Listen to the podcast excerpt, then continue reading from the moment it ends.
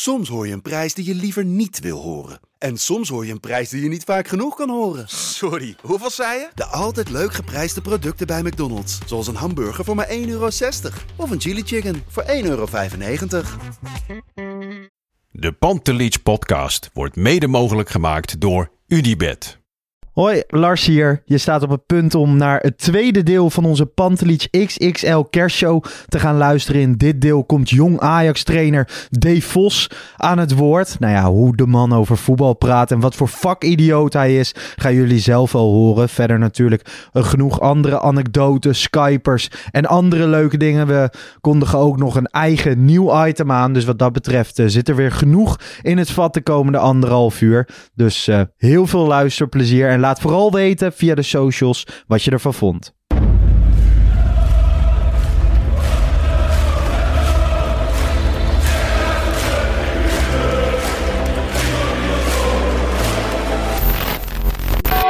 For me, they can have just lot of goals, lot of fun and some, some other things.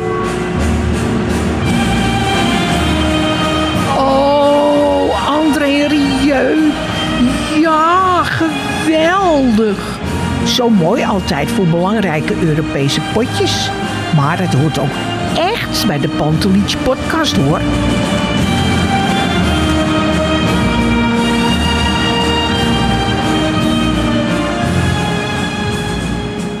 Nou ja, hoop negativiteit even als het over zessen en achten en zo gaat. Maar er zijn natuurlijk ook genoeg mooie Ajax-verhalen te vertellen. Zo uh, zagen we laatst David Ent bij onze collega's van Voetbal is Live. Sommige zijn moeilijk te bereiken. Ik heb in Zlatan gewerkt. Ik wou net vragen, ja. Bijvoorbeeld, noem, ja. Ja, dat, dat was een, een, een uitermate aparte persoonlijkheid mm -hmm. toen ik kwam. Toen ik kwam was hij eigenlijk in, uh, in Zweden al een grote, grote held, een grote ster. Werd op handen gedragen. Een, een cultfiguur in Malmö in elk geval. De wereld van Malmö. Uh, en dat nam hij mee. En hij was zeer uh, ambitieus hoor. Maar hij had ook een bepaalde idee van, ja, niemand gaat mij wat leren. en, en, ik was degene die moest zeggen, je wel op tijd komen. Uh, je, vergeet niet de, de, deur achter je dicht. Al die kleine dingen van de disciplinekant, waar hij eigenlijk lak aan had, die moest ik hem wel vertellen. Dus ik was eigenlijk heel vervelend voor hem. Ja. Ik was geen leuke man. een vervelende David Ent. Dat is een van de weinige dingen waar ik me heel weinig bij voor kan stellen. ja, maar je moet je altijd kunnen verplaatsen in een ander. En in dit geval met, uh, met Zlatan denk ik, ja... Die, er wordt een beetje de les gelezen door een, uh, een man die hij helemaal niet kent. Wat is dat voor een uh, vogel? Ja. ja, en het is later wel helemaal goed gekomen. Dat, dat gebeurt ook gelukkig, maar ik kan me daar wel iets bij voorstellen dat je dan denkt, wat een irritante vogel, die vertelt me allemaal dingen die ik moet doen en ik heb er geen zin in. Nee, goedenavond. Goed, uh, goed dat je er bent. Leuk Fijn om er te zijn. Dat, dat je er wilde zijn. Heb jij de wedstrijd zitten kijken? Ja, helaas uh, heb ik uh, deze gifbeker weer leeggedronken. Want zo voelt het ook voor jou. Ja, weet je, ik, had, nou, ik zit in zo'n, en dat zal jullie bekend voorkomen, in zo'n vrienden-appgroep hè, van allemaal Ajaxiden. Een stuk of 35 en iedereen blert en gilt. En ik denk, ik ga ook even blaren. Na 10 minuten zei ik, ze spelen alsof ze de wedstrijd al helemaal gewonnen hebben. Er zat zo weinig pit, zo weinig tempo in. Het was echt dat je dacht, ze roepen het over zich af en dan, dan wordt het 1-0. denk je, nou, we komen goed weg. En dan 2-0 kan niet meer stuk. En dan gebeurt het toch. Ja. Weet je, het is, een, het is weer een, een domper. Je bent, het is het gevoel alsof je terug bent bij af. Omdat er toch hoe klein die overwinningen ook waren, dan gedacht van maak een paar stappen vooruit. Ja. En dan dit doet het toch weer teniet. De tendens werd uh, positiever, de beeldvorming werd beter. Ik wil heel even terug naar jou, uh, Guido, in wat je zei over beeldvorming. Je hebt jongens in jouw stal, uh, Kenneth Taylor, John van Schip, zit bij jou. Maar bijvoorbeeld bij zo'n Kenneth Taylor, daar, daar is het nodig over gezegd en geschreven. Hij is misschien wel een van die jongens die bij die artikelen komen van Ajax Live Football International. Ik weet, weet ik veel wat. Hoe help jij dat soort jongens? Ja, kijk, wat je, en David weet het ook, zeg maar, hoe help je jonge jongens? Je moet ze onafhankelijk laten denken. Weet je, als, als dat jou beïnvloedt, jouw dagelijkse leven, ja, dan heb je gewoon een zuur leven. Want ja, je moet daar gewoon onafhankelijk van kom, kunnen komen, omdat je beoordeeld moet worden als speler. Je moet beoordeeld worden op wat je laat zien. Als jouw trainer je niet goed genoeg vindt, zit je gewoon op de bank. Dat is gewoon de harde realiteit. En bij Kenneth in dit geval, die, inmiddels is dit trainer nummer 5. Die stelt hem nog steeds op.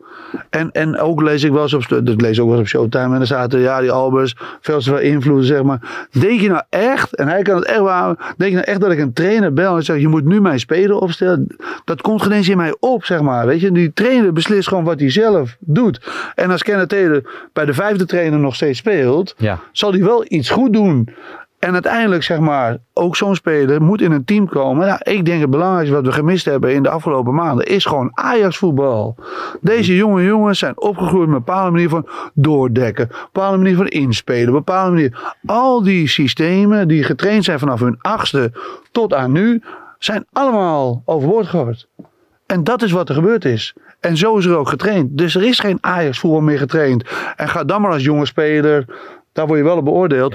eh, moet je opeens, nee, je moet blijven staan. Je moet nu eh, op de middenlijn blijven staan. Je mag niet meer mee naar voren. Maar de, de media zegt, hé, hey, waarom gaat hij niet mee naar voren? Ja, dat is de opdracht van de trainer. Kenneth Taylor doet wat een trainer zegt. En daarom speelt hij eigenlijk altijd. Omdat hij gewoon heel taakbewust en teambewust voetbalt. Nou, dat wordt blijkbaar op een bepaalde manier niet gewaardeerd. En dan moet je dus je weer eroverheen zetten en zorgen dat je wel ditgene laat zien.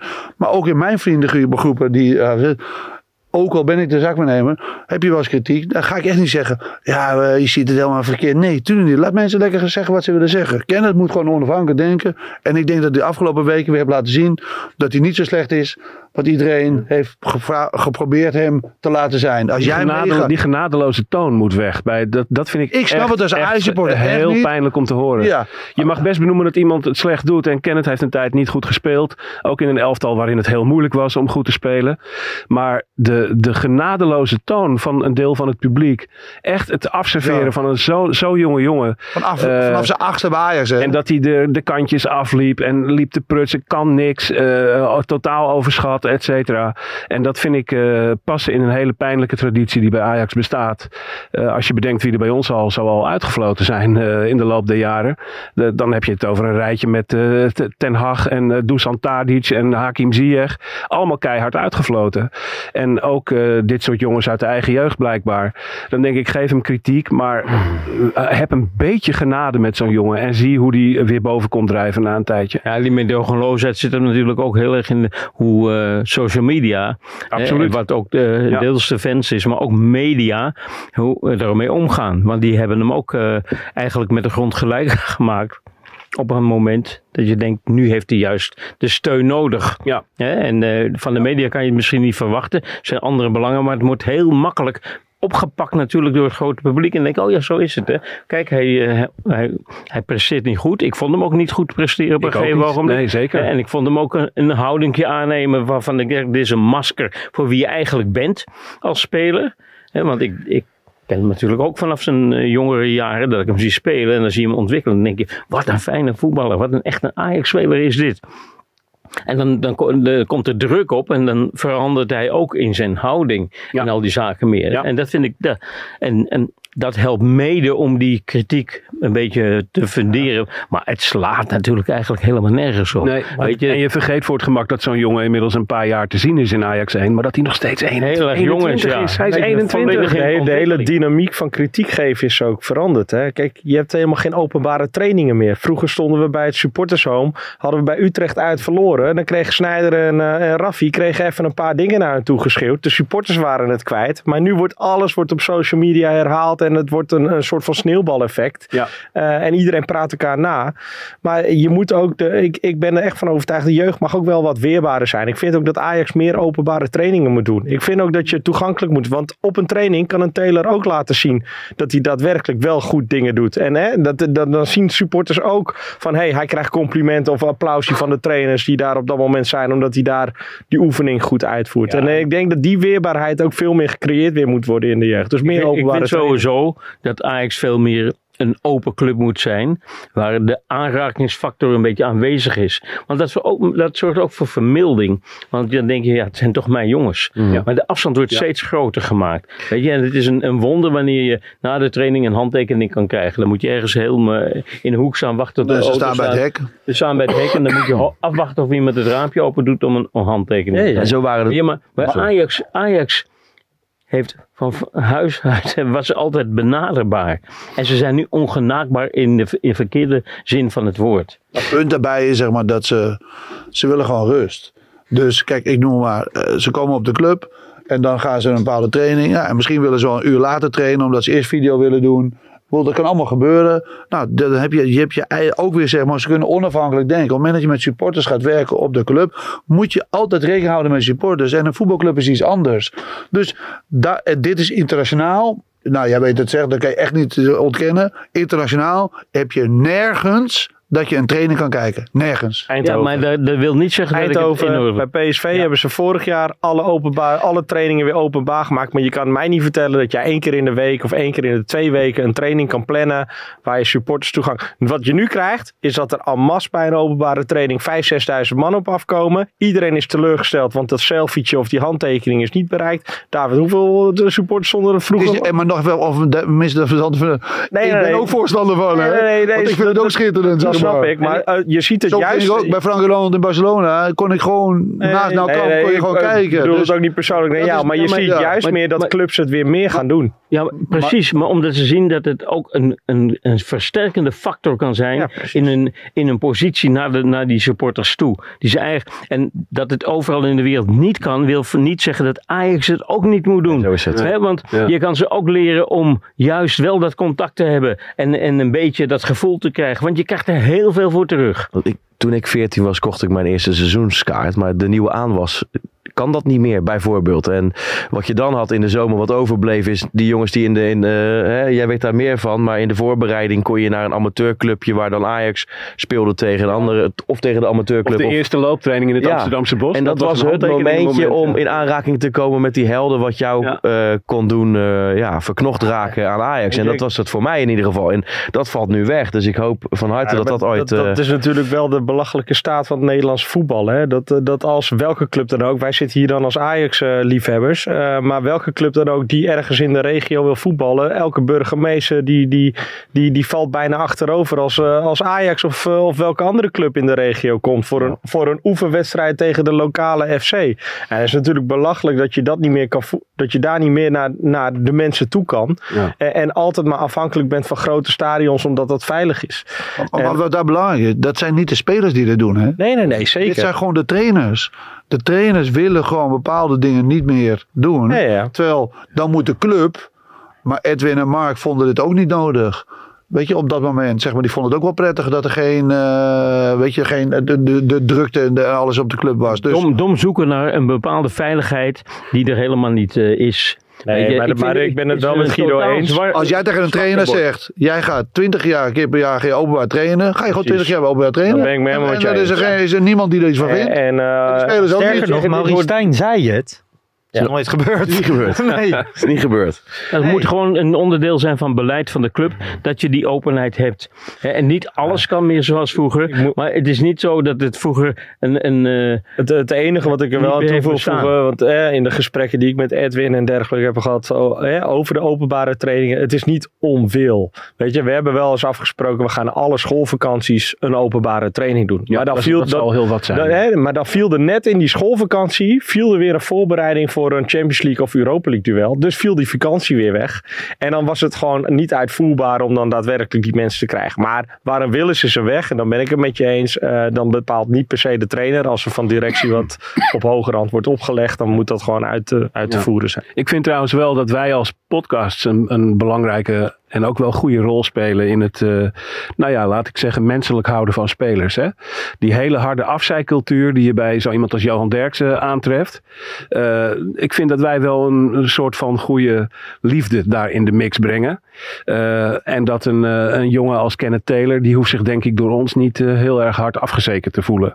Nee, maar um, toch is het wel zo. Ik, ik zit altijd heel dubbel in. Want je hebt het gewoon over wat je ziet met je ogen op ja. het veld. En meestal is dat de laatste laatste wedstrijd. Maar, maar, dan wil ik altijd zeggen, niemand van deze tafel is ooit bij een wedstrijdbespreking geweest van een, van een, van een wedstrijd van Ajax. Dus jij weet niet met welke opdracht hij in het veld staat. Jij weet het niet. Maar je mag nog Dan wel mag gewoon er niemand iemand... meer wat over zeggen. Je mag er juist wat over zeggen. Dat is juist goed, want dat is deze discussie. Afgelopen- Alleen, alleen je moet bij, aan de kant van een speler, op het moment dat je dan zeg maar een speler afzeikt, wat, wat, als hij volgens de trainer exact heeft gedaan wat hij heeft gedaan, daarom speelt hij volgende week weer.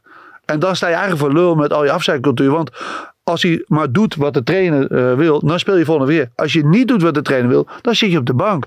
En dat is hoe simpel voetbal is. En daarom is het wel soms wel eens handig om, om je daar. Eh, kijk, en tuurlijk, je verwacht altijd meer. Dat doe je ook, zeg maar. Dat doe je natuurlijk als zaakbenemer ook. Je kijkt kritisch naar je speler. Je kijkt kritisch naar zijn ontwikkeling bij spreken. Maar uiteindelijk vraag je ook aan de voorkant van: oké, met welke opdracht stond je vandaag in het veld?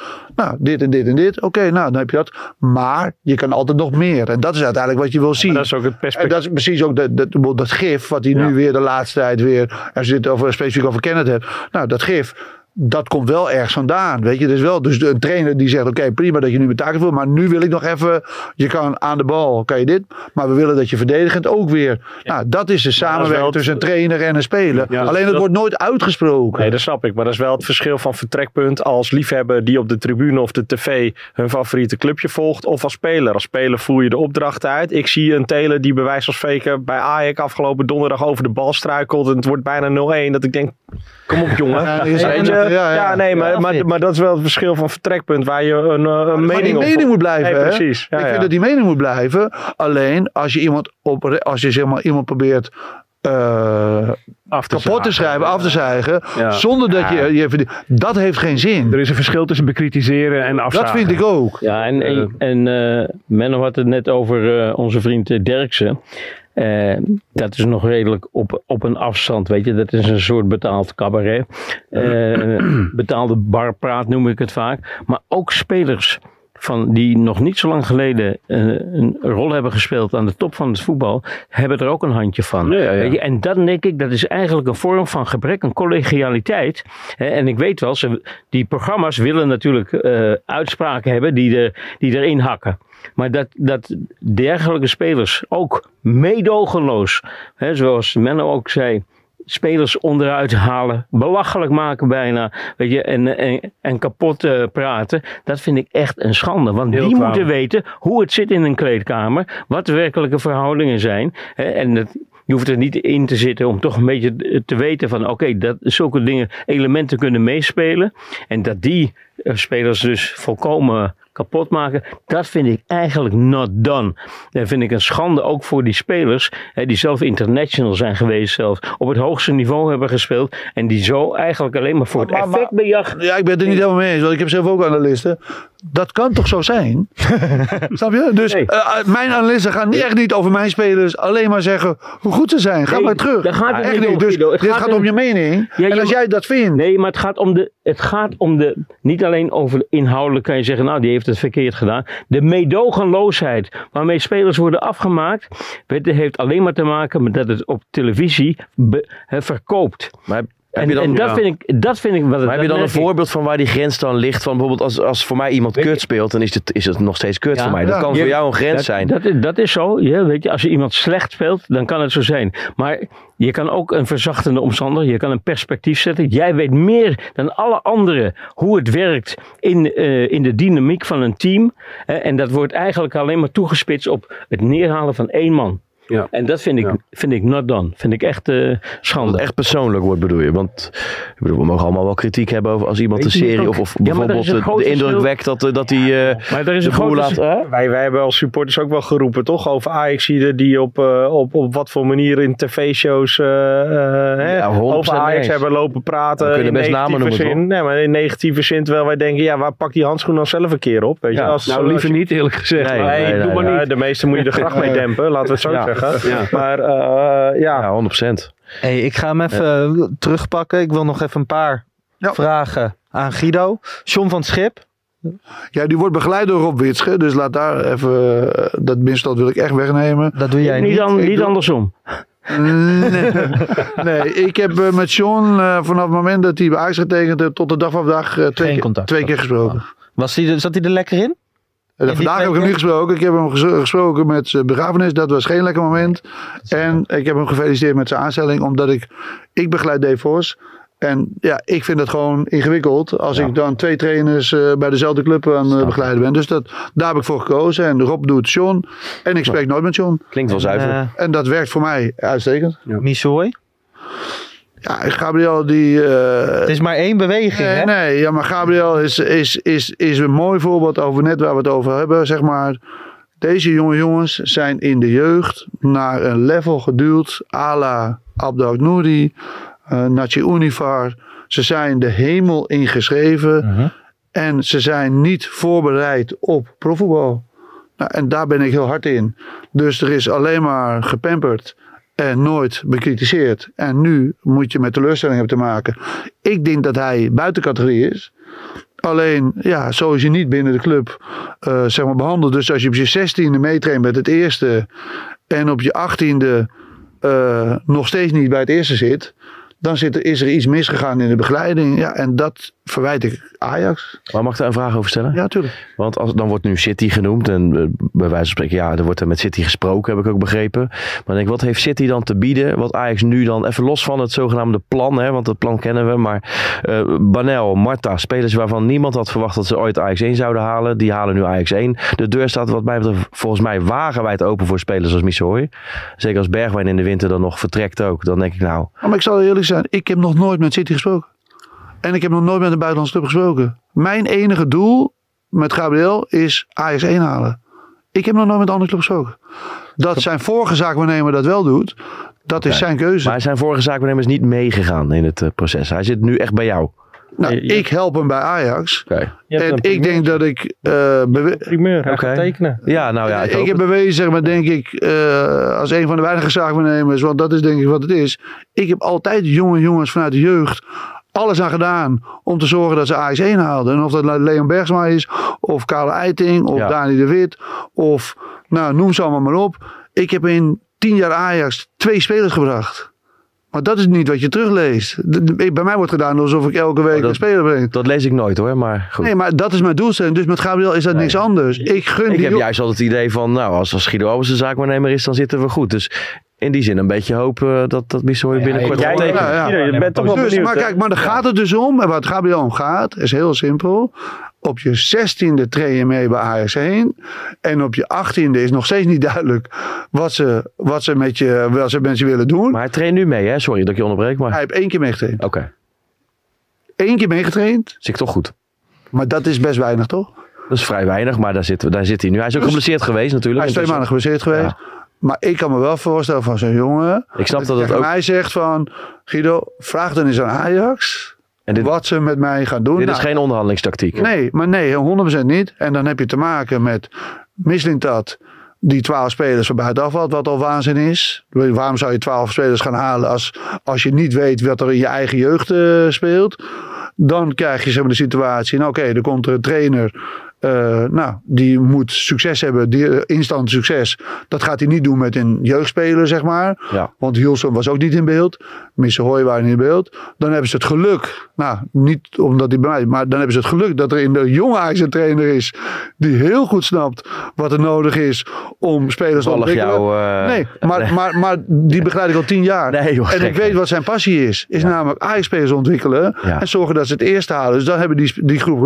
Maar dan is het wel droevig als Klaas nu weg is, Klaas Jan, want die ging dat op een goede manier begeleiden. Ik volg je hoor, maar ik probeer een beetje advocaat van de duivel te spelen. Nee. En ik hoop van harte dat hij... wel aan op ja. Begeleiding hoor, want wat, wat vind jij als zaakwaarnemer? Je ziet ook andere clubs. Wat zou Ajax dan anders moeten doen? Of wat zie je dat wat andere clubs beter doen of... of, of gewoon mee aan het werk gaan. Gewoon elke dag, zeg maar, gewoon laten zien dat je met die spelers wil ontwikkelen. En het is niet erg om 40 wedstrijden in Jong Ajax te spelen. Het nee, is ook nee. niet wedstrijden erg om 5, maar het is wel erg als je met zeven man op een training staat. Maar heb je specifiek voorbeeld? Dat is, ja, nee, ja, dat, dat is nu aan de hand. Ja, maar heb je spe- dat, dat, dat is een van de voorbeelden die je dan zegt van ja, dat is niet, dat is bizar. Dat is niet oké. Okay. Je staat gewoon met zeven man te trainen. Weet Hoe kun je nou ontwikkelen als je met zeven man traint? Nee, dat begrijp ik. Maar... Ik denk eigenlijk, om eerlijk te zijn, dat we Guido moeten bedanken en het gewoon aan de man zelf moeten vragen. Die met die zeven man op het is een keer gebeurd, hè? maar uiteindelijk gaat het daarom. Zeker. Als je dus bij, op je 16e bij het eerst hebt getraind, dan wil je op je 18e in ieder geval het gevoel hebben dat je heel dicht bij zit, zeg maar. Nou, en dat proces zit hij nu in. Ik zou zeggen, laten we Dave Vos eh, vragen. Ja, hey, dan ga ik, uh, zeg, maak ik mooi plaats. Hij staat klaar. Dankjewel Guido voor je komst. We gaan tussentijds eventjes naar het uh, watercloset. Dus, uh... Sorry. Nou, vragen hoor ik. Heel wat vragen. Sorry hoor.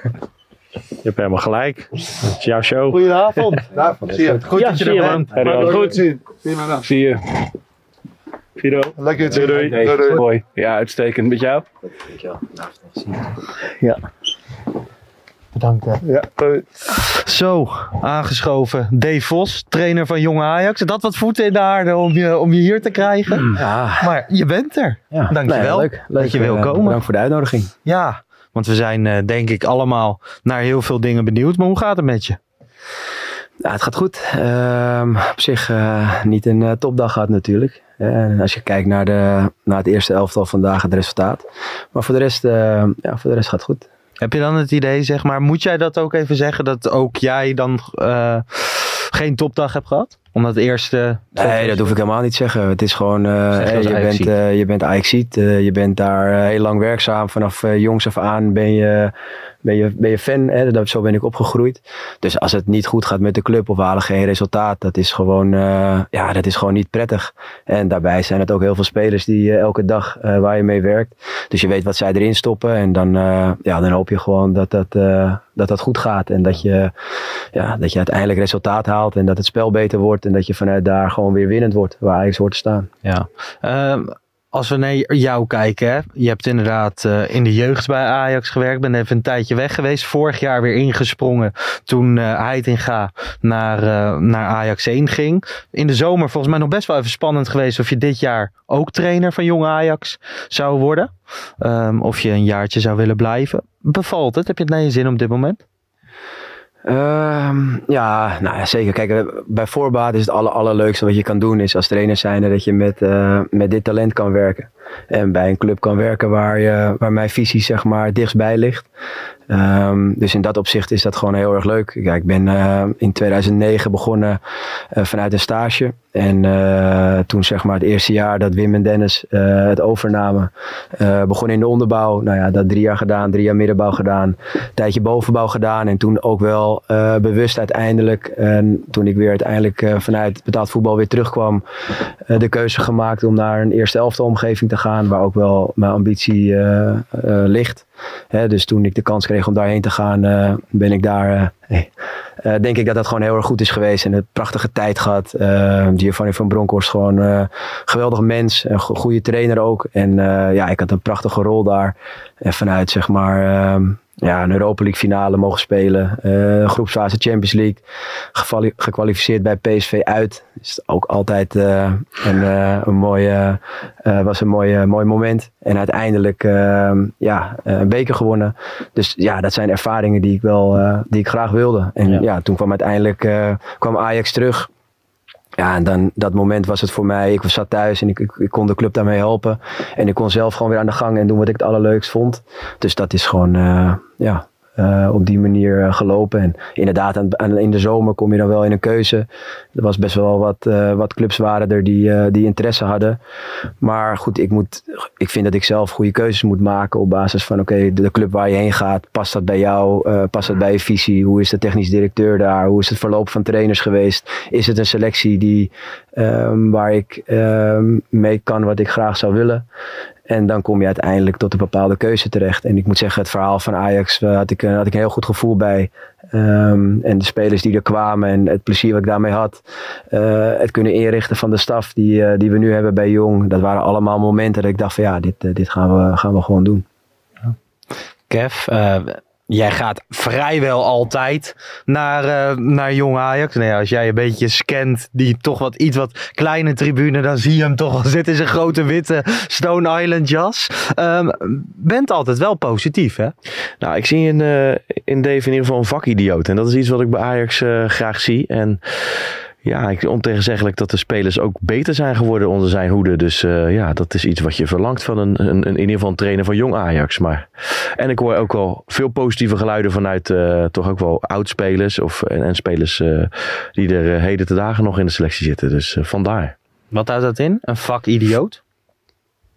Ja, ik, ik, ik weet niet wat precies de definitie is, maar ik denk wel dat ik begrijp wat hij bedoelt. Ja, dit is, uh, voor mij is het ook een vak wat eigenlijk gewoon alleen maar kan um, als je daar gewoon al in gaat. En dat is, uh, uh, dat is, zijn het ook wel wat gesprekken met mijn vrouw waard. Maar ik moet zeggen, mijn vrouw heeft bij Ajax gespeeld, speelt nog steeds bij Ajax. Ehm, heeft zeg maar de eerste, het eerste jaar van de, van de Ajax-vrouw. Nou, David volgens mij ook verwend geweest daar en vaak, vaak geweest. En dus zij heeft datzelfde. Dus ik hoef gelukkig als er een Champions League avond is. Of zoals vandaag vandaag. Dat je eigenlijk alle wedstrijden. Want er waren vandaag een hoop mooie wedstrijden. Dat je die dan toch kijkt. Um, ja, en, en al die informatie dat je er wat mee doet. En ja, het vraagt gewoon veel. Want je hebt het over. Uh, we hebben bijna twintig man staf bij Jong. En je hebt het over een selectie. Nou, is misschien niet zo groot als ik had gewild. Maar je hebt wel een, een selectie. En daarbij. Uh, dat zijn allemaal verschillende individuen. die verschillende dingen nodig hebben. En vanuit je staf probeer je daar uh, vakwerk op te geven. Zodat iedereen zijn eigen individuele pad kan bewandelen. Ja, en dat, dat laat nooit los. Dus dat ben je gewoon. Dan sta je mee op en dan ga je mee naar bed. Ja, ja, vreselijk is mooi. Dat, is dat de definitie van de vakidioot waar we, waar we naar zochten? Ja? Nou ja, ik denk dat jij hem als schrijver kan je hem wel redelijk nou. nog mooier boetseren. Ja, nee, ik denk bij, bij, als ik het woord vakidioot hoor bij een voetbaltrainer, dan denk ik aan zo'n figuur die je in de Ajax-traditie veel gehad hebt. Iemand die niets aan het toeval overlaat. De hele dag met details. Zoals bijvoorbeeld Erik ten Hag dat ook had. Voortdurend hameren. En het liever honderd keer zeggen dan één keer. Uh, en uh, uh, ja, echt het, het, erin, het erin rammen van een visie bijna. een soort relentlessness noemen ze het in het Engels. En ik, weet niet, ik weet niet precies of, je, of jij dat ook in je, in, je, werkwijze hebt. Maar je lijkt er wel eentje met een visie waar je enorm in gelooft. En waar je ook die je ook met, met kracht overdraagt. Ja, nou ja, ik, ik denk dat, dat, dat die, en die opbouw van die visie, dat is ook onwijs leuk om te doen. En dat is ook hetgeen wat, um, dat is mijn uh, kracht. Hè? Als ik ga kijken naar waar, uh, waar ik het verschil moet maken vanuit mijn achtergrond. Ja, ik heb uh, nooit in de kleedkamer gezeten tijdens een Champions League wedstrijd. Hè? Dus ik heb als speler een hele bescheiden amateurniveau gespeeld. wel bij Ajax zaterdag nog, maar dus dat, daar, daar moet ik het niet van hebben. Ik moet het van hebben vanuit, ik moet een groep voor me winnen door, zeg maar, wat je net beschrijft, door dat heel goed in te richten. Ja. dus je trainingsproces in te richten. Um, je staf op een bepaalde manier te beïnvloeden. Zodat elke bespreking, elk moment dat je met je spelers hebt, um, dat je ze een bepaalde richting opduwt. Hè? En, dat, uh, en ik denk dat spelers daar ook wel eens gek van worden. Want dat zijn heel veel besprekingen. Ja. en, ja. en zeker in de beginfase. En je ziet ook uh, ja, veel teams en ook dit jaar. Dat, het kost altijd even tijd in het begin. Zeker als je instapt ergens. Um, dat proces, ja, dat, dat kost gewoon veel besprekingen, veel trainingen. En voordat dat land, ja, is dat, uh, uh, zijn we altijd even onderweg. Dus um, ja, we zitten nu in een fase bij Jong waarin wat dingen gaan vallen. En ik wil niet het zeggen dat dat... Um, uh, dat is geen toeval. Uh, maar dat is wel um, ja, wat, wat de staf erin stopt. Elke dag is dat een optelsom van die dingen. Ja. Heb je ook de vrijheid bij jong Ajax om, om dit te doen? Dit, je, je bent niet heel resultaatgebonden. Je hebt ook wel eens bij um, teams die wel voor resultaat spelen en de resultaten vallen tegen, dat spelers ook beginnen te klagen van ja, laptop trainer, veel besprekingen, um, ben er wel klaar mee. En dan heb ik het niet over jou specifiek, maar er zijn voorbeelden in het Nederlandse voetbal, sterker nog, ik zelf wel eens spelers gesproken die dat dan zeggen, die gek worden van besprekingen en zo. Nou, kijk, het, het, moet ook, je moet een beetje geluk hebben. Dus het, is net als de fase waarin je inkomt. Dus kom je midden in het seizoen, dan wordt er gewoon bij Ajax en bij waar dan ook, wordt er van je gevraagd, je moet resultaat halen. en op het moment dat je, uh, dat je wint, dan koop je zeg maar tijd in het proces. Um, en, en dat is denk ik een fase waarin je iets van geluk moet hebben, dat bepaalde dingen sneller vallen. En op het moment dat je een seizoen start, heb je zes weken de tijd om dat, uh, dat te doen. En Ja, kijk, heel eerlijk, het is ook gewoon, uh, die spelers moeten ook gewoon uh, werken. En het is gewoon ook uh, iets wat je met elkaar afspreekt. Je wilt een bepaalde doelstellingen halen en daar zitten, daar zitten procesdoelen aan. En wil je die goed wegzetten, ja, dan moet je gewoon met elkaar elke dag ehm, daarin geloven. En, en dat, dat stukje geloven, ja, dat gaat op basis van succesbeleving. Dus als spelers een overtal sneller herkennen, uitspelen, vaker in de 16 meter komen of vaker hoogtebal winnen, minder goals goals tegen krijgen, minder kansen. Ja, dan gaat dat vanzelf uh, vallen. En dan ga je plezier krijgen in bepaalde dingen. En op het moment dat je over die horde heen bent, dan zie je ook vaak dat besprekingen heb je er minder nodig. Uh, je hebt minder uh, momenten nodig om bepaalde. En dan gaat het meer om andere meer details. Respons. Ja. Ja. ja. Want ik, als je kijkt naar jong elftallen, zoals jij eh, Jong Ajax. Dat is een van de meest interessante, maar ook een van de meest complexe teams, denk ik. Als je kijkt naar uh, de keukenkampioen-divisie. Uh, zij stromen allemaal in met jongens die komen vaak uit de jeugd en worden geconfronteerd met mannenvoetbal. Dat heeft enige tijd nodig. Weet je, na de winterstop is geen toeval dat je dan een, een soort versterking krijgt. Het team heeft meer vertrouwen, heeft meer macht. Fysiek ook een beetje meer macht. Maar ook meer inzicht van wat het vraagt en hoe het doet. Maar al die dingen bij elkaar. Zo'n team met, uh, met jonge gasten voorbereiden op een mannencompetitie. Dat, dat, dat is wel fascinerend ook, denk ik. Je moet ook geduld hebben. Ja, dat je weet, deze jongen heeft het in zich, maar kan het misschien nog niet helemaal belopen. Heeft ja. ze nog niet. En dan kan na een half jaar kan er al een enorm verschil in zijn. Ja. Nee, ik, ik ben het helemaal met je eens. Kijk, wij in principe, zoals ik nu jong heb meegemaakt, ik ben eerder bij Mitchell van der Gaag zijn assistent geweest. En vaak is een jong team bestaat uit een beetje drie categorieën. De categorie die overkomt vanuit de onder 18.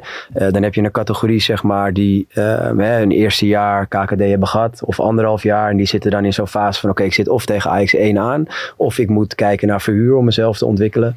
En je hebt een categorie die zit eigenlijk niet in jouw team. Die zit in de omgeving van Ajax 1. En die spelen hun wedstrijden met, ja. met, met, met jong mee. En dit jaar zijn we eigenlijk er tegen aangelopen dat um, die laatste categorie, ja, die is, heeft eigenlijk is die nooit Valt teruggekomen. Ja. Uh, en zelfs de tweede categorie, hè, die is, uh, eigenlijk heeft hij alleen maar gespeeld bij Ajax 1 of getraind.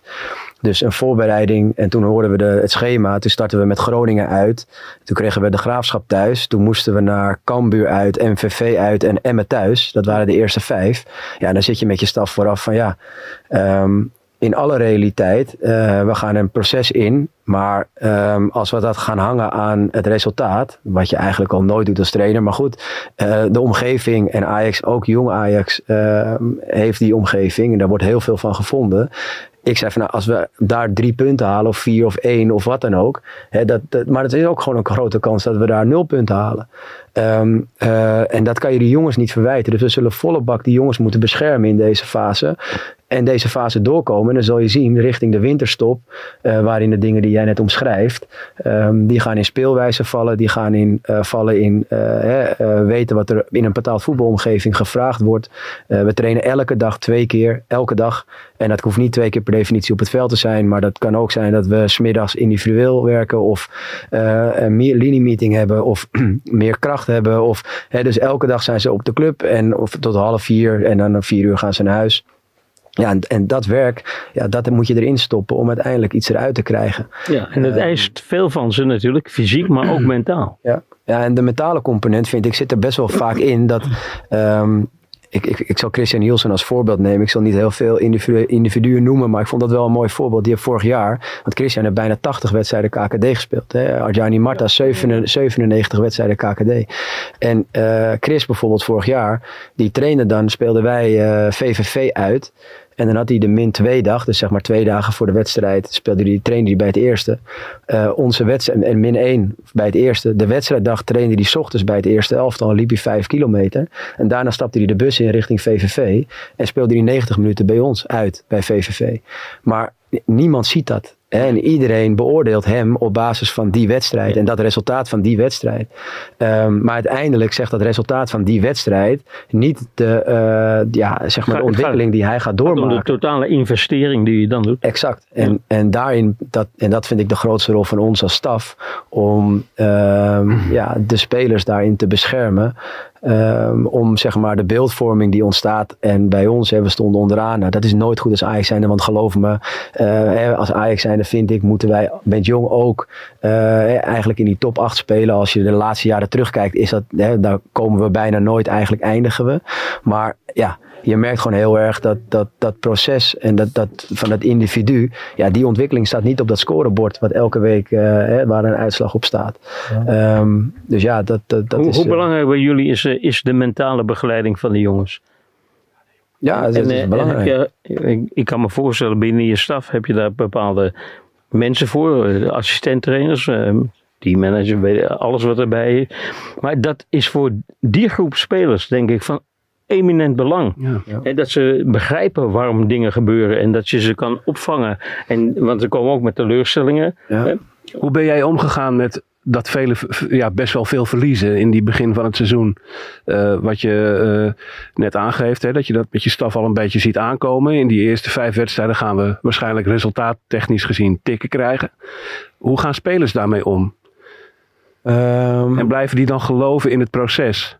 En wat voor werk moet je daarvoor doen? Nou, kijk, in principe als, je, als ik keek naar de wedstrijden, en dat, daar, en dat is de terugkoppeling en de feedback die je steeds geeft, zeg maar, uh, als we Groningen kijken, zijn we eigenlijk redelijk dominant geweest. Uit bij Groningen al vanaf de eerste wedstrijd. Dus ik vond dat wij fases in de wedstrijd, en dat waren er in die fase nog bijvoorbeeld 50 of 60 minuten, waren wij eigenlijk, deden we heel veel dingen goed. Dus dan blijf je bij die spelers vooral zitten op, op de dingen waar we de aandacht op hebben gelegd. Op uh, de ontwikkeling van je speelwijze. En, en daar geef je de feedback op.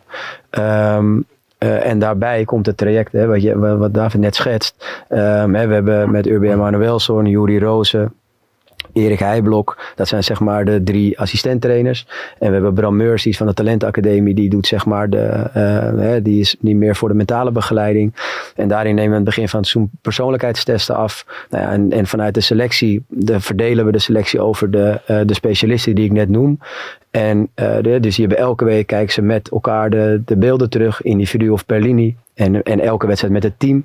He, dus je hebt, je hebt die, al die processen, die, die steek je in. En op basis van die, uh, die feedback die je dan elke dag geeft, ja, hou je gewoon visie en hou je koers. En laat je je niet leiden tot het resultaat.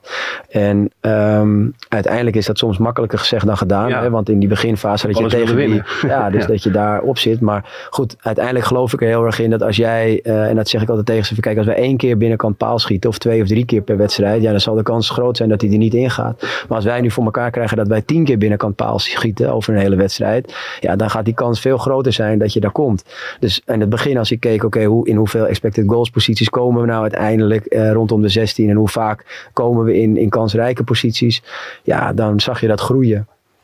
En uiteindelijk kom je daar. Uh, Deze trainer gaat heel even ingrijpen. gaat ook wisselen. Boss, Uh, man. Menno, uitstekende laatste vraag. Uh, publiekswissel wat mij betreft. Uh, super bedankt dat je er was. Heel veel succes met Brani. Blijf mooie stukken over Ajax schrijven en boeken. En uh, we gaan elkaar weer zien. We doen ons best. Keep up the good work, jongens. Herjan, jou ga ik ook wisselen. Ja, Dankjewel voor je Super. komst. En meer open trainingen. Later. Dankjewel. Oké, man. Kijk, dan krijgen we even twee Dus, uh, nieuwe mannen erbij. trui. Dat is Ja. een beetje... David. Hey Freek. Hoi. Zo. Ja. Hey, sorry. Kijk. Hallo. Goedenavond. Goedenavond. Goed dat je er bent. Uh, ja. Ciao hè. Freek Jansen, uh, maker van seizoen 1 en 2 van de, de inmiddels podcast. wel befaamde Pantelic podcast. Hè? Daarna rond. de Pak Schaal podcast. goed, je, goed je te zien. En uh, ja, Sammy, Sammy van A25. En die kennen we toch vooral van de persconferenties. Ja, Maurice, gefeliciteerd. Uh, je bent natuurlijk een Hagenees, maar ja, je gaat dus nu ook in de stad Amsterdam werken. Heb je iets met de stad Amsterdam? Waar, waar ga je dan heen als je er bent? Tot slot even een klein, klein quizvraagje. Je wil met Ajax uh, kampioen worden. Stel Ajax wordt kampioen, waar is die huldiging dan? Oeh. Zal ik even opties zeggen? Ja, jij mag de opties zeggen. A. Leidseplein. Ja. B. Museumplein. Of C. Gewoon hier in de Johan Cruijff Arena. Je zou kunnen zeggen dat Ajax in jouw carrière de grootste club is die je tot nu toe hebt getraind. Is er dan nog, je bent nu al een poosje trainer van die grootste club eh, uit je leven. Eh, is er dan nog iets veranderd? Merk jij dat je, eh, weet ik veel, eh, voorrang krijgt bij de bakker? Dat er oude vrienden opeens opbellen van... Hé hey Maurice, hoe gaat het? Biertje doen? Dat soort dingen. Ik heb je ooit eerder geïnterviewd tijdens een persconferentie. Toen zei je van ja, ik slaap... Ja, wat gebeurt er met Brian als hij niet scoort? Nou, dan is Brian niet blij, nee. Ook als we winnen. Als hij niet scoort, dan, ja, dan is hij niet blij. Nee. Ik kan hij niet goed slapen. Maar wat doe je nou als je dan niet scoort om dan wel een soort van te relaxen? Amsterdam heeft ook, eh, ja, ze hebben overwinningen nodig. Want ze, soms, ja, ze zijn nu niet meer de trotse Amsterdammers, omdat ja, ze staan, stonden laatste. Kan jij ze een beetje hoop geven? En je bent terug bij Ajax, maar je bent dan ook weer terug in Amsterdam. Eh, hoe zit het met jouw liefde voor Amsterdam? Is het misschien niet een keer een goed idee om een eh, teamuitje te organiseren? Met z'n allen te gaan paintballen misschien om ja, dat teamgevoel weer, dat ze door, door het vuur gaan voor elkaar, om dat te gaan doen. Winterstop misschien? Nou, wie weet. Schaatsen? Ja, we, gaan, Peterbaan. we, we gaan, eh, we gaan ook nog op trainingskamp. Dus eh, Ben jij ingeschreven voor de Europa League eigenlijk? Vroeg ik me af. Gaan we dat zo even... Ja, dat, dat lijkt me wel... eh, want ja, donderdag hè? Ja, klopt. Het is al dichtbij. Is, en het is ook wel belangrijk dat je ingeschreven bent, want anders eh, kan dat niet. Ja, klopt. En kan je jezelf nog inschrijven? Nee, dat nee, ik denk dat dat lukt. Ja, is goed. Nou, we gaan het zien. Het waren ongeveer eh 10 minuten dat jullie speelden. Ik vroeg me af, ja, heb je ooit iets beter klaargespeeld in eh 10 minuten dan deze drie punten? Eh, ja, weet ik niet. Waar wil je naartoe? Ja, waar wilt hij naartoe? Eh, jij staat wel een beetje bekend als degene die de laatste vraag op de persconferenties mag stellen en dan altijd probeert een originele insteek te vinden. Ja, ja, het is een beetje, het heeft een paar redenen. Het is gewoon praktisch, omdat ja, jij weet dat ik ben een cameo, dus ik film ook zelf, dus ik zit ook helemaal achteraan. Dus bijvoorbeeld dan als Freek er is en eh, er gebeurt gewoon iets wat je wil vragen. Ik bedoel, eh, Berghuis schiet hem in de kruising, dan is Freek eerst. Dus die vraagt daar dan over. Dus dan, ja, ik kan niet meer die vraag stellen. Dus ik had op een gegeven moment dat ik dacht, ja, ik moet wel met iets terugkomen op de redactie. Ja. En dan ga je een beetje een soort originele, unieke vragen eh, bedenken. En kijk, AT5 heeft ook een soort van AT5-DNA. En dat is dat we gewoon brutale vragen stellen. Dus dat, is, dat hoort er denk ik ook wel een beetje bij. En ik vind het gewoon leuk. Ik, ik, ja, ik, heb meer, ik vind het gewoon leuk om dat soort vragen te stellen. En vaak krijg je... Ook als je wel eens een ongemakkelijk antwoord krijgt of dat de stilte even... Ja, kijk, dat, dat hoort er wel bij. En je moet, eh, kijk, ze- Stilte is ook een antwoord. Hè? Daarom, en, die ongemakkelijkheid is misschien voor mij op dat moment eh, een beetje kut of gênant of zo. Maar dan, eh, als je terugkijkt, is het wel leuk. Maar eh, ja, ja. Maar jij stelt hem ook wel eens heel bewust bij uh, Karel en Cookie. Ja, ik hou gewoon, ik hou gewoon van, van Maar voor de duidelijkheid, jij bent de vragensteller van en Ook, hè? ja, ja, ja, ja, ja, ja. Ze zaten hier net. Ja. Ik mocht geen bier drinken, zei ze. fris die. Helaas, het is niet gelukt. Je hebt niet eh, geluisterd, je moeder is weer boos. Hey Freek, hoe kijk jij daarnaar? Want jij zit ook wel eens op die persconferentie. Ja, ja, zat er vaker dan, eh, dan dit seizoen, de afgelopen negen seizoenen veel. Maar ik, ja, het was altijd wel genieten, want je wist dat er altijd Sammy nog wel kwam. Met altijd een originele vraag. En bij hem is het mooie, is, het is niet gemaakt.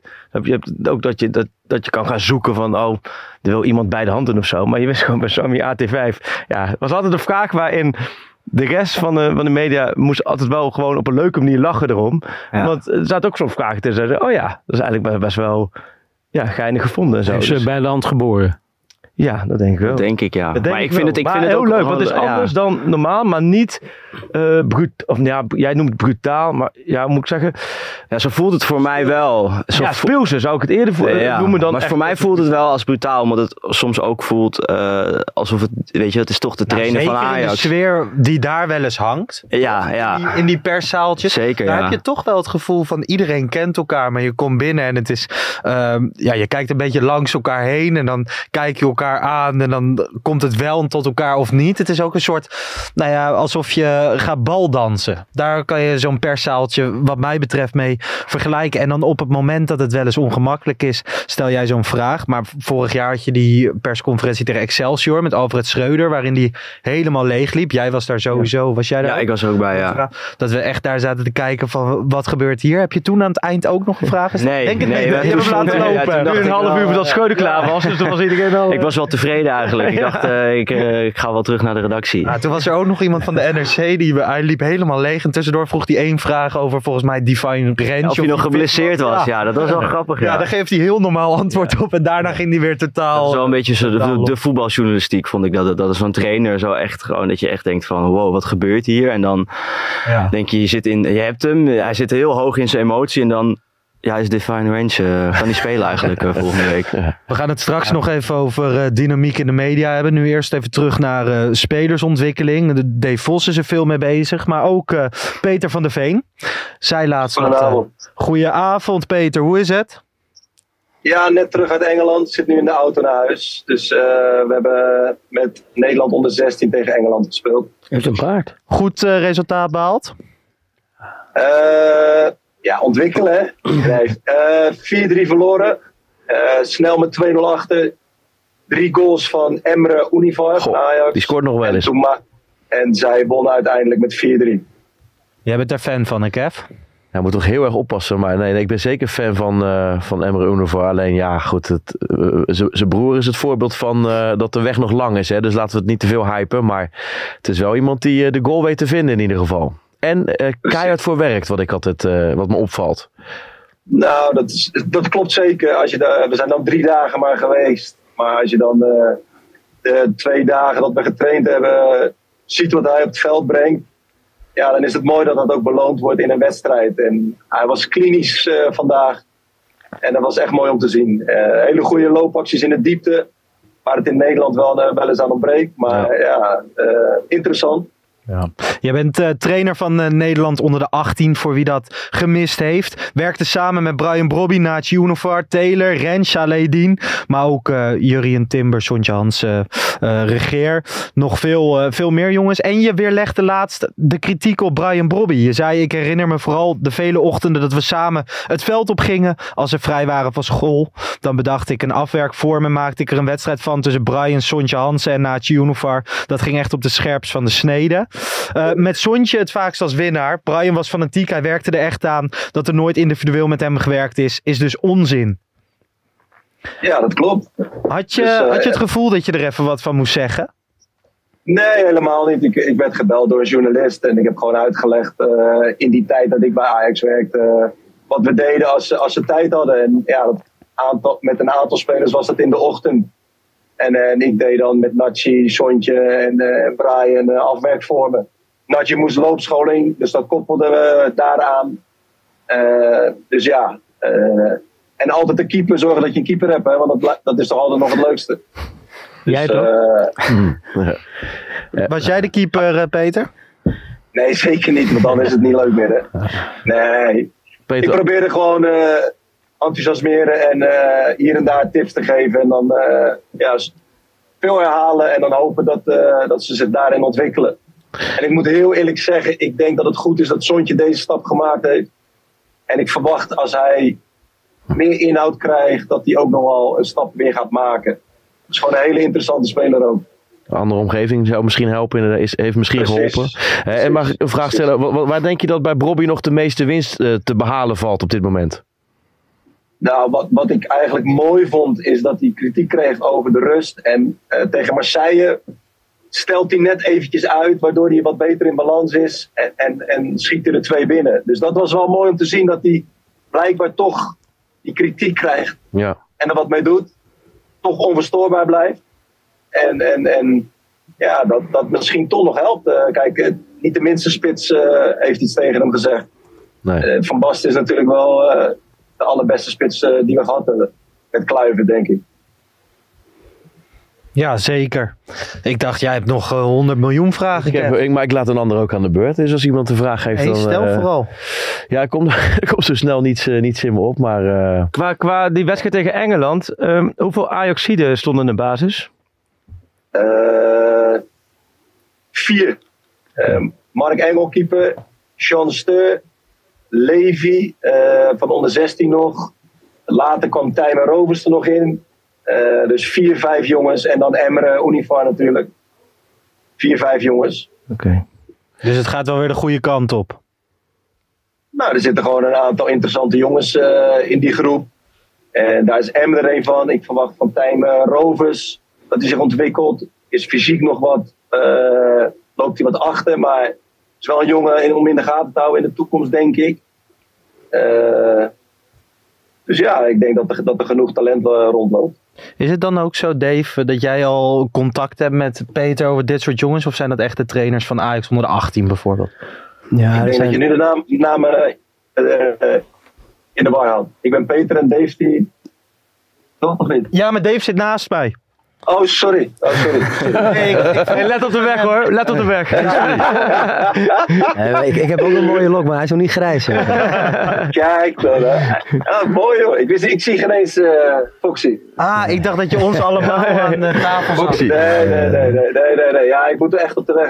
Ja, dat is mooi. Zag het nu. Kijk, wat meer naar links al, denk ik. dus, uh, maar hebben jullie wel eens contact? geen uh, lampen. Nee, ik, ik, heb, ik heb heel veel contact met Peter. Peter is een, echt een hele um, ja, goede collega, maar ook uh, in de tijd zeg maar al een hele goede vriend van mij geworden. Dus we, we spreken elkaar regelmatig. Um, over, vooral over voetbal. En um, ja, de laatste tijd niet echt over. Zijn team zit echt wel net nog uh, een, net een lichting onder uh, Jong Ajax. Dus daar hebben we eigenlijk weinig contact over. Dus stel wij zijn nu stil, dan scheelt het niet wat bel te goed als jullie even wat informatie uitwisselen. nou, dan moet je, nee, je kan altijd stil. Wij, als wij helemaal beginnen over voetbal, dan eindigen we vaak niet. Maar dat is. Uh, nee, ik, ik ken Peter al heel lang vanaf we hebben samengewerkt in de, in de middenbouw.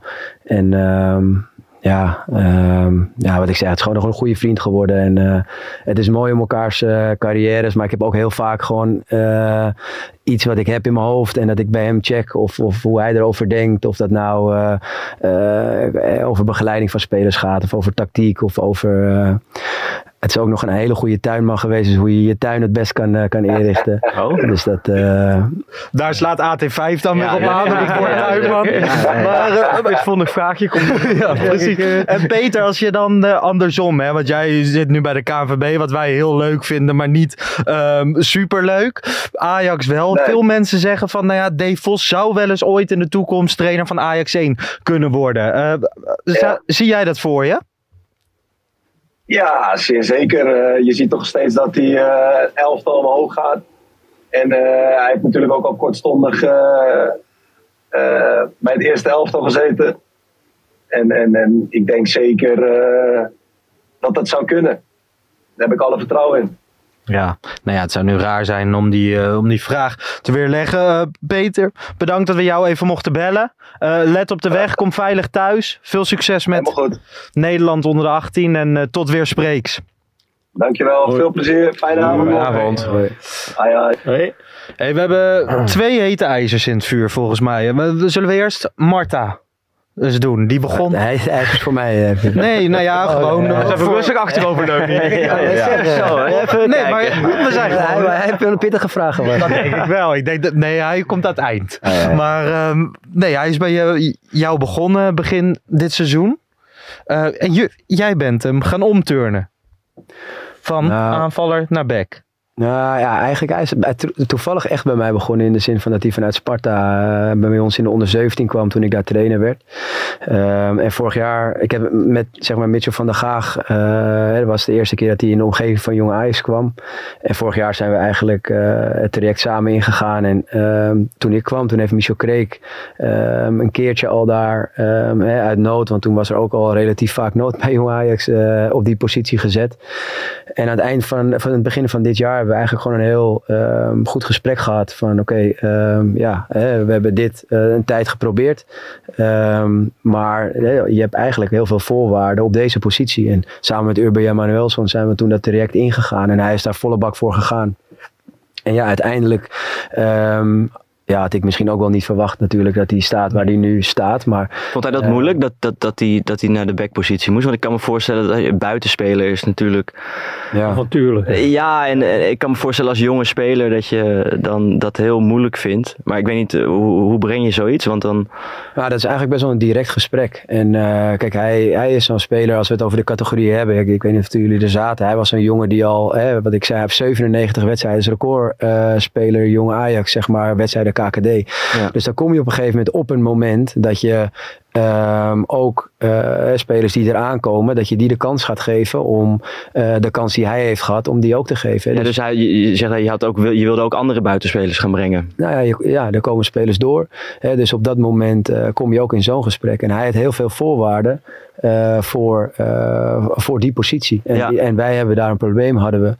Ehm, dus toen hebben we het eigenlijk geprobeerd. En, en hij was daar niet altijd heel erg gelukkig mee in het begin. Hoe merk je, wat, wat doet hij dan? Of nee, David gaat nu weg, dus we moeten David... David, ik, eh, hartstikke bedankt.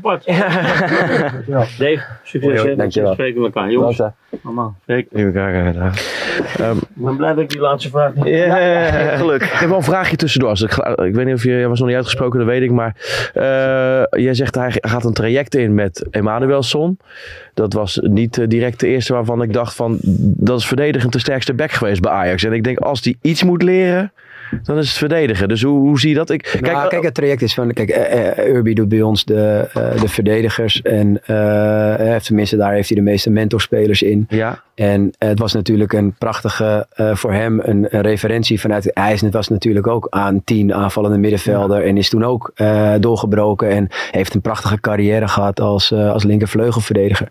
En de positie is, wordt ook anders ingevuld dan vroeger was je, ja, je werd, weer werd keeper of linksback als het niet heel erg lekker ging. En nu is de linksback is eigenlijk, en de rechtsback zijn bijna ehm, ja, de nieuwe buitenspeler. En dat heeft Ja. een hele andere invulling. Of je speelt daar, of je speelt als tweede zes. Of zelfs wel eens hè, met, eh met uh, Nousir uh, Masri, die, die als tweede tien kwam. Dus je bent eigenlijk bijna, eh, het ligt maar net aan welke ruimtes je wilt bespelen, waar je de back gaat positioneren. En hij kon in de kleine ruimte, kan hij aanvallend, kon hij daar spelen. Hij kan in de overlap komen. Dus aanvallend had hij best wel veel eh, momenten. Ehm, maar verdedigend, ja. En de, en de, de ding waar hij het meest mee zat. Dus hij dacht, nou, een wedstrijd spelen vind ik niet zo erg. Maar op een gegeven moment kwam hij naartoe. Hij zegt, trainer, u zet me ook altijd op trainen. ja, dat hoort wel een beetje bij het pakket. hè.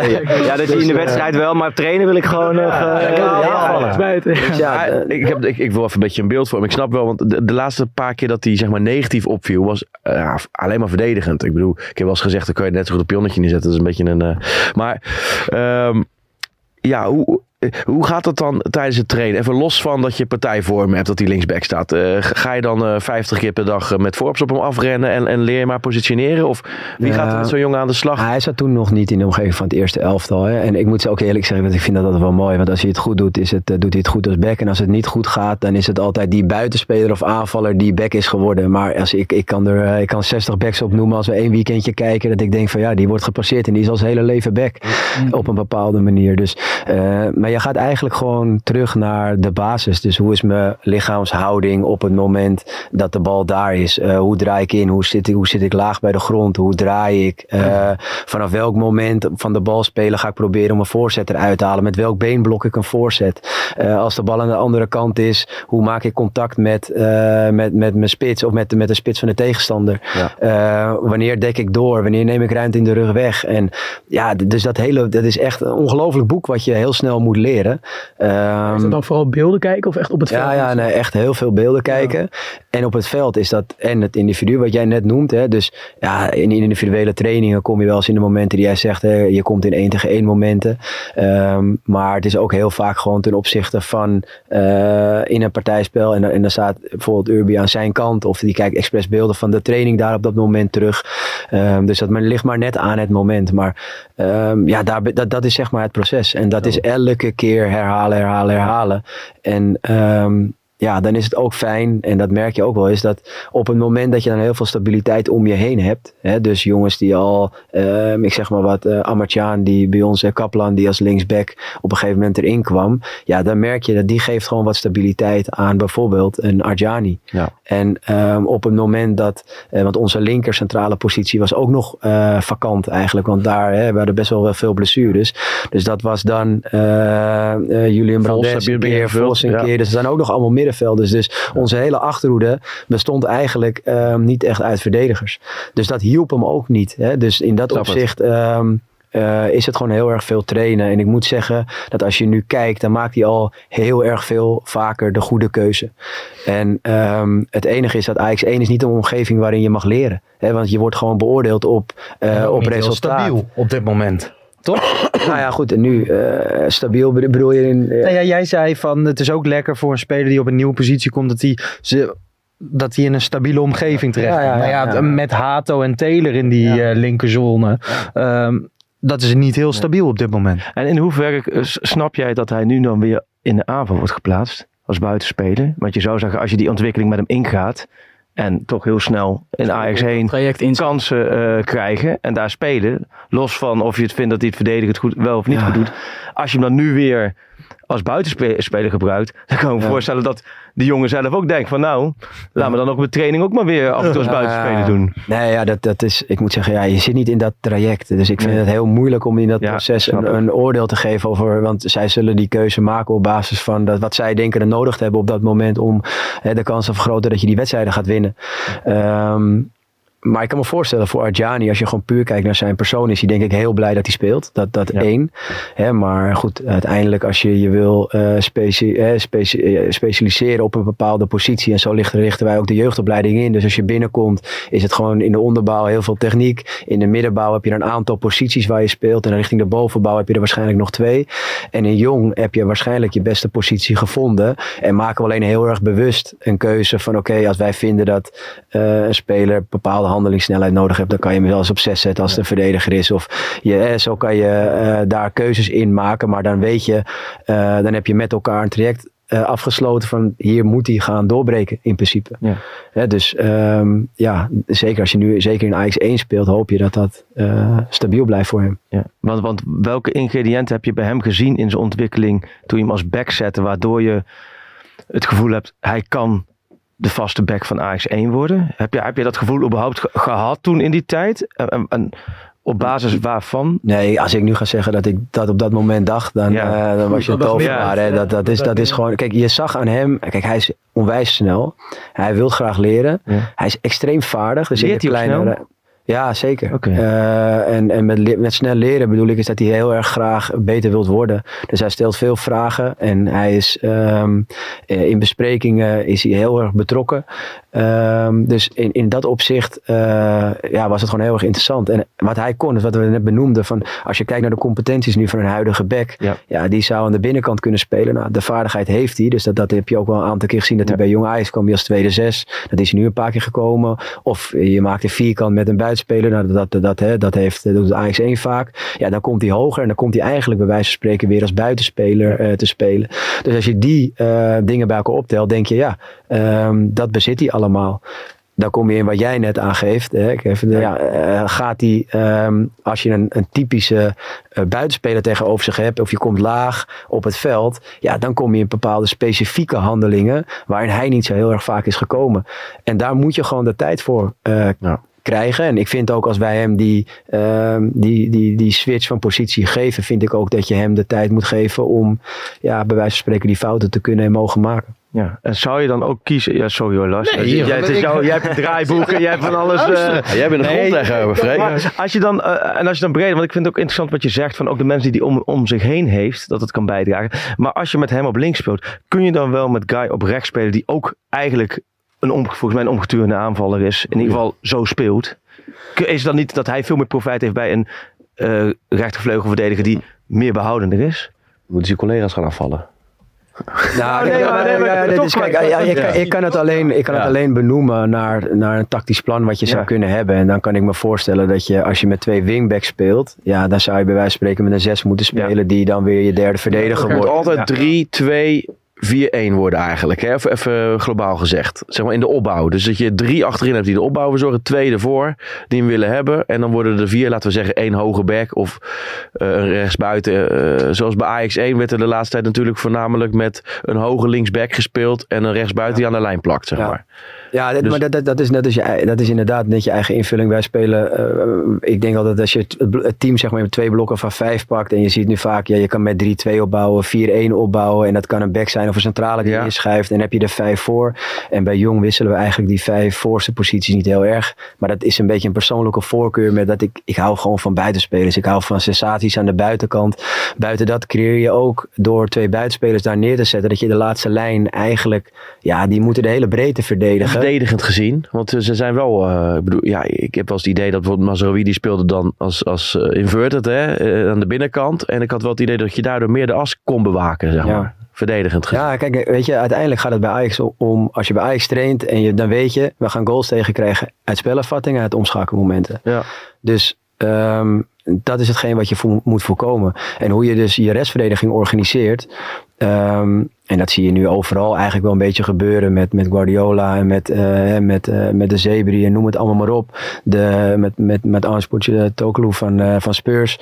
Ja, die zorgen er gewoon voor dat ze, zeker met die 2 plus 3, um, die drie staan dan eigenlijk heel compact. Zodat je altijd de as hebt op het moment dat je hem ja. verliest.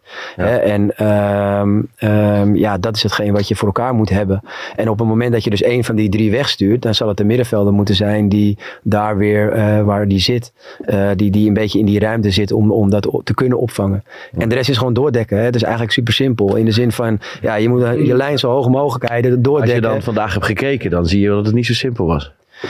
Bij Ajax 1. Nee, ja, goed, dat, uh, maar ja, goed, dat zit in. Het is ook een lastig alle Ajax even vragen op jouw bordje nee, gooien. Ja, maar maar wel, wel hier nog eventjes meer op inhaken. We hadden net uh, buiten uitzingen wel een interessant gesprek over de, de SES en wat jij daarvan verwacht. En die is cruciaal, zeg maar, in dit opzicht. Zou je misschien kunnen beschrijven wat jij van een ideale 6 verlangt in, in, in jouw elftal?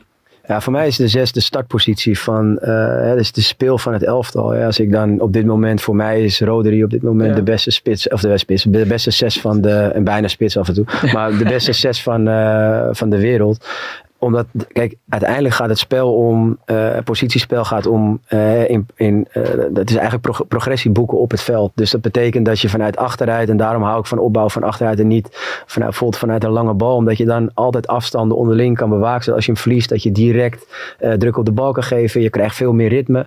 En die zes is eigenlijk daartussen altijd de schakel. En die moet heel bewust overtallen creëren, een lokpaas spelen, een lokdribbel. maar ook bijvoorbeeld herkennen van, hey, nu uh, is er geen druk. En nu moet ik misschien wel in die laatste lijn komen als die back weg is. Of misschien moet hij nu juist wel ex, uh, expres wat verder doordekken om die tien, omdat de tien door is gestapt, om daar meteen uh, de ruimte dicht te maken. Dus de zes bepaalt alles. En, en die moet vooral, um, ja, vind ik, cognitief de juiste keuzes maken. En, en, voetbal is gewoon een spel van wie kan het beste en het vaakst de juiste beslissing nemen. Want het mm -hmm. gaat alleen maar om decision making. En de zes is daar ja, het allerbelangrijkste. Ja. Tactisch uh, naar het spelletje kijken. Met de Pantelich podcast proberen we zo eens in de zoveel tijd wat nieuws uit oh, te ja. proberen. en, innoveren. Nu hebben we ook, Heel goed. nu hebben we ook weer wat nieuws bedacht. Wat tijdens of na de winterstop langzaamaan zal uitrollen. Genaamd pijltjes en pionnetjes. Welkom bij weer een nieuwe aflevering van Pijltjes en Pionnetjes. Het item van de Pantelis podcast waarin we tactisch de diepte ingaan. En ik kan wel eventjes uh, neerzetten op het bord hier. Ja. Uh, Nison die komt als eerste tien hier staan. En ik vind dat super waardevol. Ik zou bijna zeggen, probeer hem nog eens een keer in de spits. Ja, want dit zijn loopjes die bijna niet opvallen ja. bij het grote publiek, denk ik. Linson, je ziet hem hier al gaan. Nee, absoluut overtuigd geraakt van Linson. maar ja, ik zou hier heel enthousiast van worden van die opstelling, hoe jij hem nu op het, op het bord neerlegt. Het is ook niet echt een atletische jongen. Hè? En zijn blik is constant alleen maar gefocust op de bal. Alle credits aan, uh, aan Van Schippen. Ja, of, zeg het maar, Kev. Ja, weet je, dit idee is geboren eigenlijk. Ik, ik bedoel, ik ga 22 jaar naar Ajax. Tenminste, zo lang heb ik een seizoenskaart. Ik ga langer. Maar ik merk de laatste jaren ben ik zelf ook wel wat anders naar voetbal gaan kijken. En ik bedoel, ik zit net heel aandachtig te luisteren in, uh, naar hoe De Vos erover spreekt.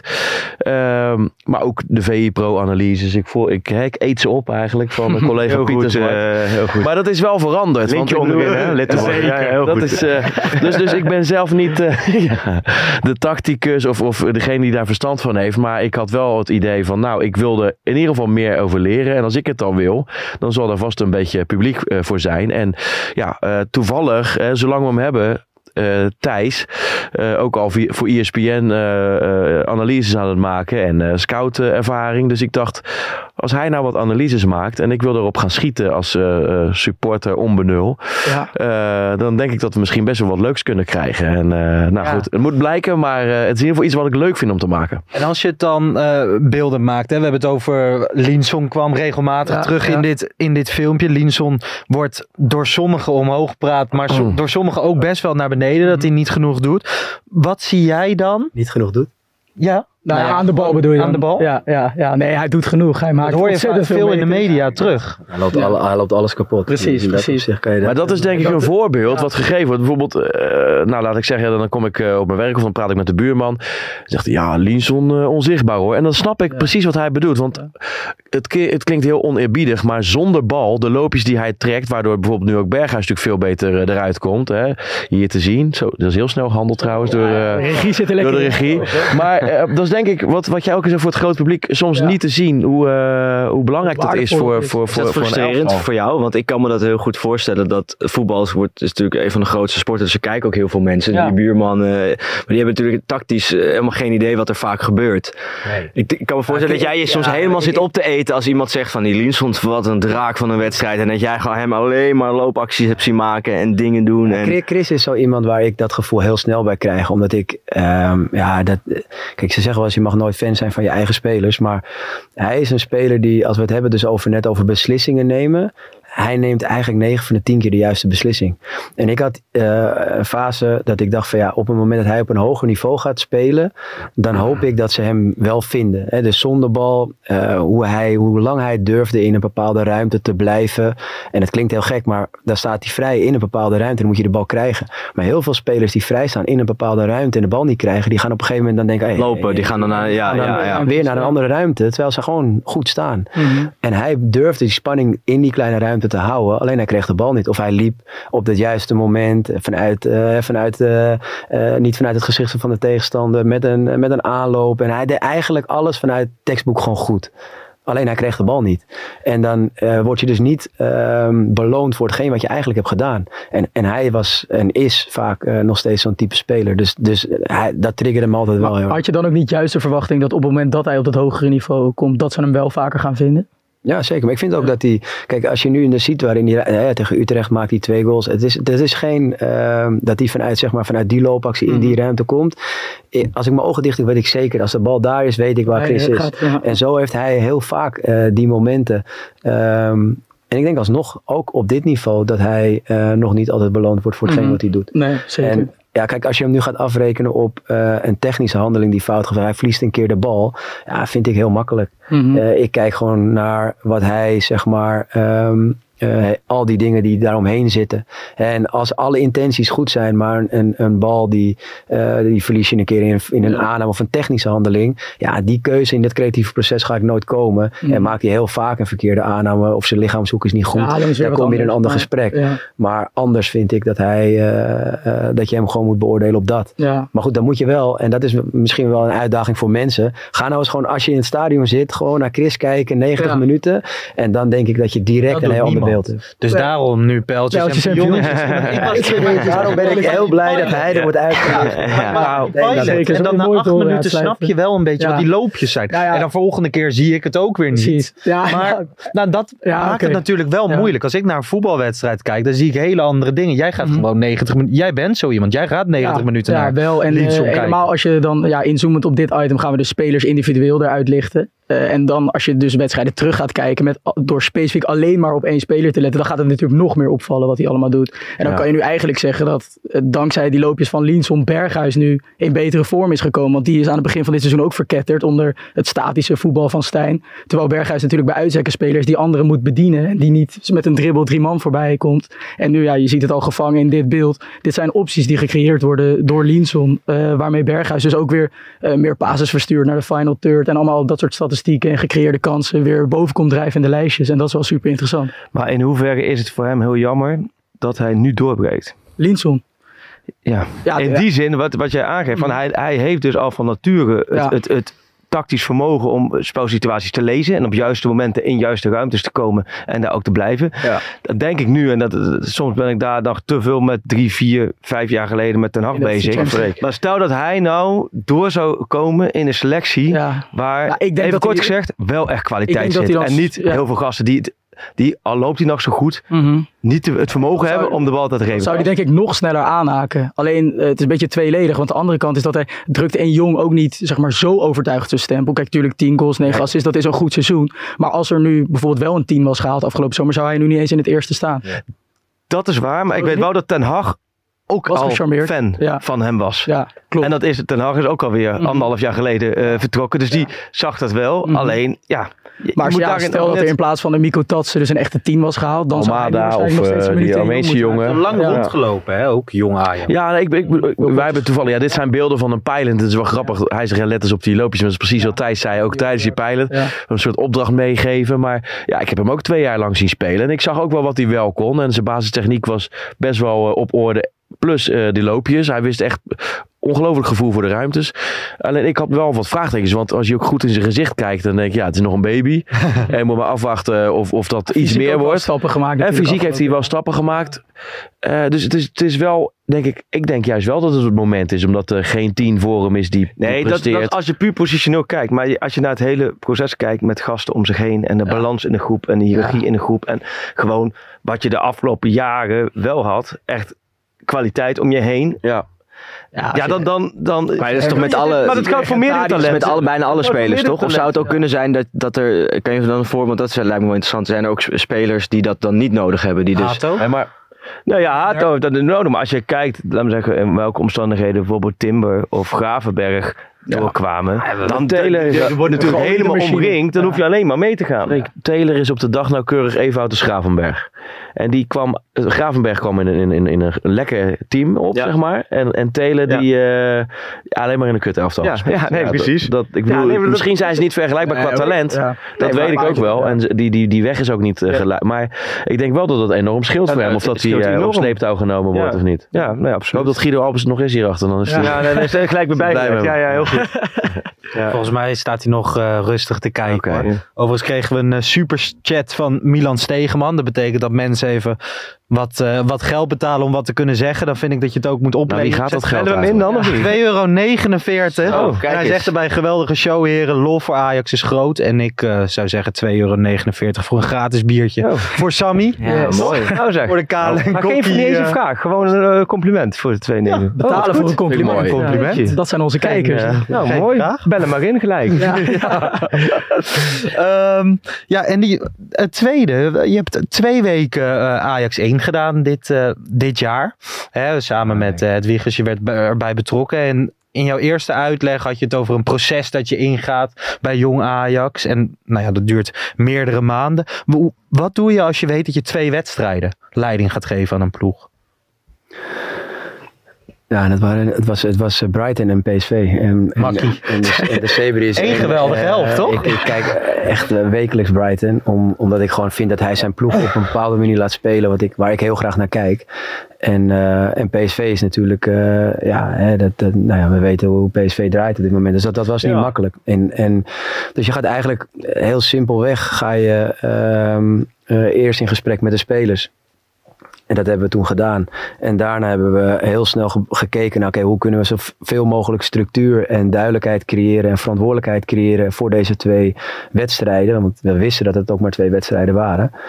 En, eh, en dan ga je gewoon heel hard werken met elkaar. En ik moet zeggen dat. eh, Dat heel hard werken, dat werd dus behouden. Want dat zei Maurice Stijn ook. Bouwen? Heel hard werken, dat was Ja, het enige wat hij ja, kijk, ik, dat is maar net hoe je heel hard werken omschrijft. Ik. Heel hard werken is niet. grappig. Is, is, het, is, is een plan maken hoe je die week gaat, eh, gaat aanvliegen. En eh, je gaat Brighton analyseren.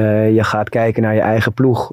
waar je, ehm, eh, waar je kan, de kans kan vergroten op een resultaat te halen. En dat was, was, op, was op dat moment. Maar eigenlijk ook om een bepaalde dingen weer eh, vertrouwen te krijgen. En ehm, ja, dat, die gesprekken hebben gevoerd met de spelers. En uiteindelijk denk ik, we hebben natuurlijk bij Brighton uitgespeeld op een bepaalde manier die helemaal niet past bij Ajax. Dat staat zelfs heel ver van hetgeen waar, waar je als Ajax zijn ervoor moet staan. Maar Hoe lang hebben jullie getwijfeld om dan toch voor die manier te kiezen? Nou, niet zo heel erg lang. En dat is ook samengegaan met de groep. En dan kan je bepaalde keuzes maken. Maar ehm, Wat was de grootste afweging dat jullie dachten we gaan het op deze manier doen? Nou, kijk, als je, als je vanuit Ajax-principes denkt, dan wil je zo snel mogelijk, zo hoog mogelijk de bal. Maar Brighton doet niet anders de hele week dan, dan dat. Hè? En als je dan een ploeg hebt waarin de, in de situatie die komt met een wisseling van een trainer, met eh, de resultaten die daar zijn gevallen. En ja, dan, dan kan het ook zomaar zijn dat je tegen een hele grote uitslag aan gaat lopen. Lopen en het vertrouwen alleen maar minder wordt. Dus je gaat ze eigenlijk binnen een bepaalde structuur vertrouwen proberen te geven. En dan heb je heel veel kwaliteit op het veld staan. ehm, dat, het, dat een individueel moment nog iets kan beslissen. En we dachten, ja, hoe meer dat gaat gebeuren, hoe, ja, hoe, hoe, groot je, vergroot je de kans ook weer richting PSV. En ik moet zeggen dat de groep daarin geweld, dat geweldig heeft uitgevoerd. Binnen de afspraken die we hebben gemaakt. En uiteraard ehm, eh, was dat niet voldoende om te winnen bij Brighton uit of, of te kunnen domineren. En ik vind dat we daar zelfs heel veel kansen hebben laten liggen aan de bal om wel vooruit te voetballen. En als ik dan PSV de eerste helft neem, ja, ik heb, niet, eh, ik heb nog geen club gezien bij PSV uit die eh, dat heeft gedaan. En ik denk dat wij daar eh, onszelf heel veel tekort hebben gedaan met de uitslag die in de rust stond. En dan zie je ook wel weer, en dat is als je dan gewoon even puur als trainer kijkt naar het proces waar je in zit in de tweede helft, dat er een aantal veranderingen komen. Ja, en in de fase waarin je zit, ja, dan zie je dat ook heel snel ehm, dat je dat niet meer met elkaar kan veranderen. En ehm, ja, dat, dat, dat was uiteindelijk werd het een hele pijnlijke uitslag. En dat was wel, uh, dat hadden de jongens daar dat niet verdiend. Maar het gaf ook wel weer voor mij heel veel hoop in de zin van ja, als je dit kan brengen. Um, nou, dan, ja, dan, dan, zie, ik, in, uh, ja, dan ja. zie ik en voel ik aan alles dat als je dat elke dag, elke week, slag, uh, en die jongens daarin meeneemt, en uh, dan, dan, dan, dan, ja, dan, dan, dan zal je geen kampioen worden, maar dan zal je on- ongetwijfeld gewoon weer mee gaan doen. Want ik denk ook dat de supporters dat zo hebben ervaren. Dat die helft tegen Die PSV... gaf hoop, ja. die Ja. gaf Ja. hoop. Dat was de eerste keer dat ik weer blij op de bank eh, zat te juichen. Ja, het is, het, is, het is heel raar als je dat zegt nadat je er ach- achteraf nog af bent gegaan. Maar inderdaad, het was een, heel, een wereld van verschil met wat de weken die Maar we je ervoor wist, je zagen. wist En- dat Ajax wel ging verliezen, dus zo'n zo, zo'n helft gaf wel, eh, ja. En ook eh, van de bomen bijvoorbeeld, die, eh, zo, dat is wel een hele goede.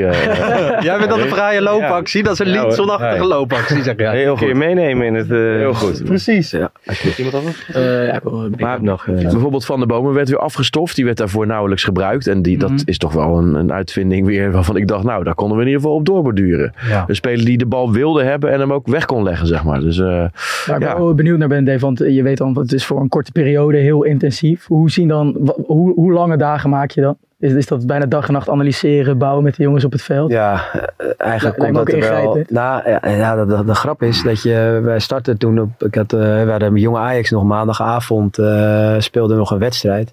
En ik had contact na de wedstrijd met Jan van Halst over, nou ja, Ja, maandagavond ging Stijn eruit, inderdaad. Dat was echt een kwartier voordat wij moesten spelen.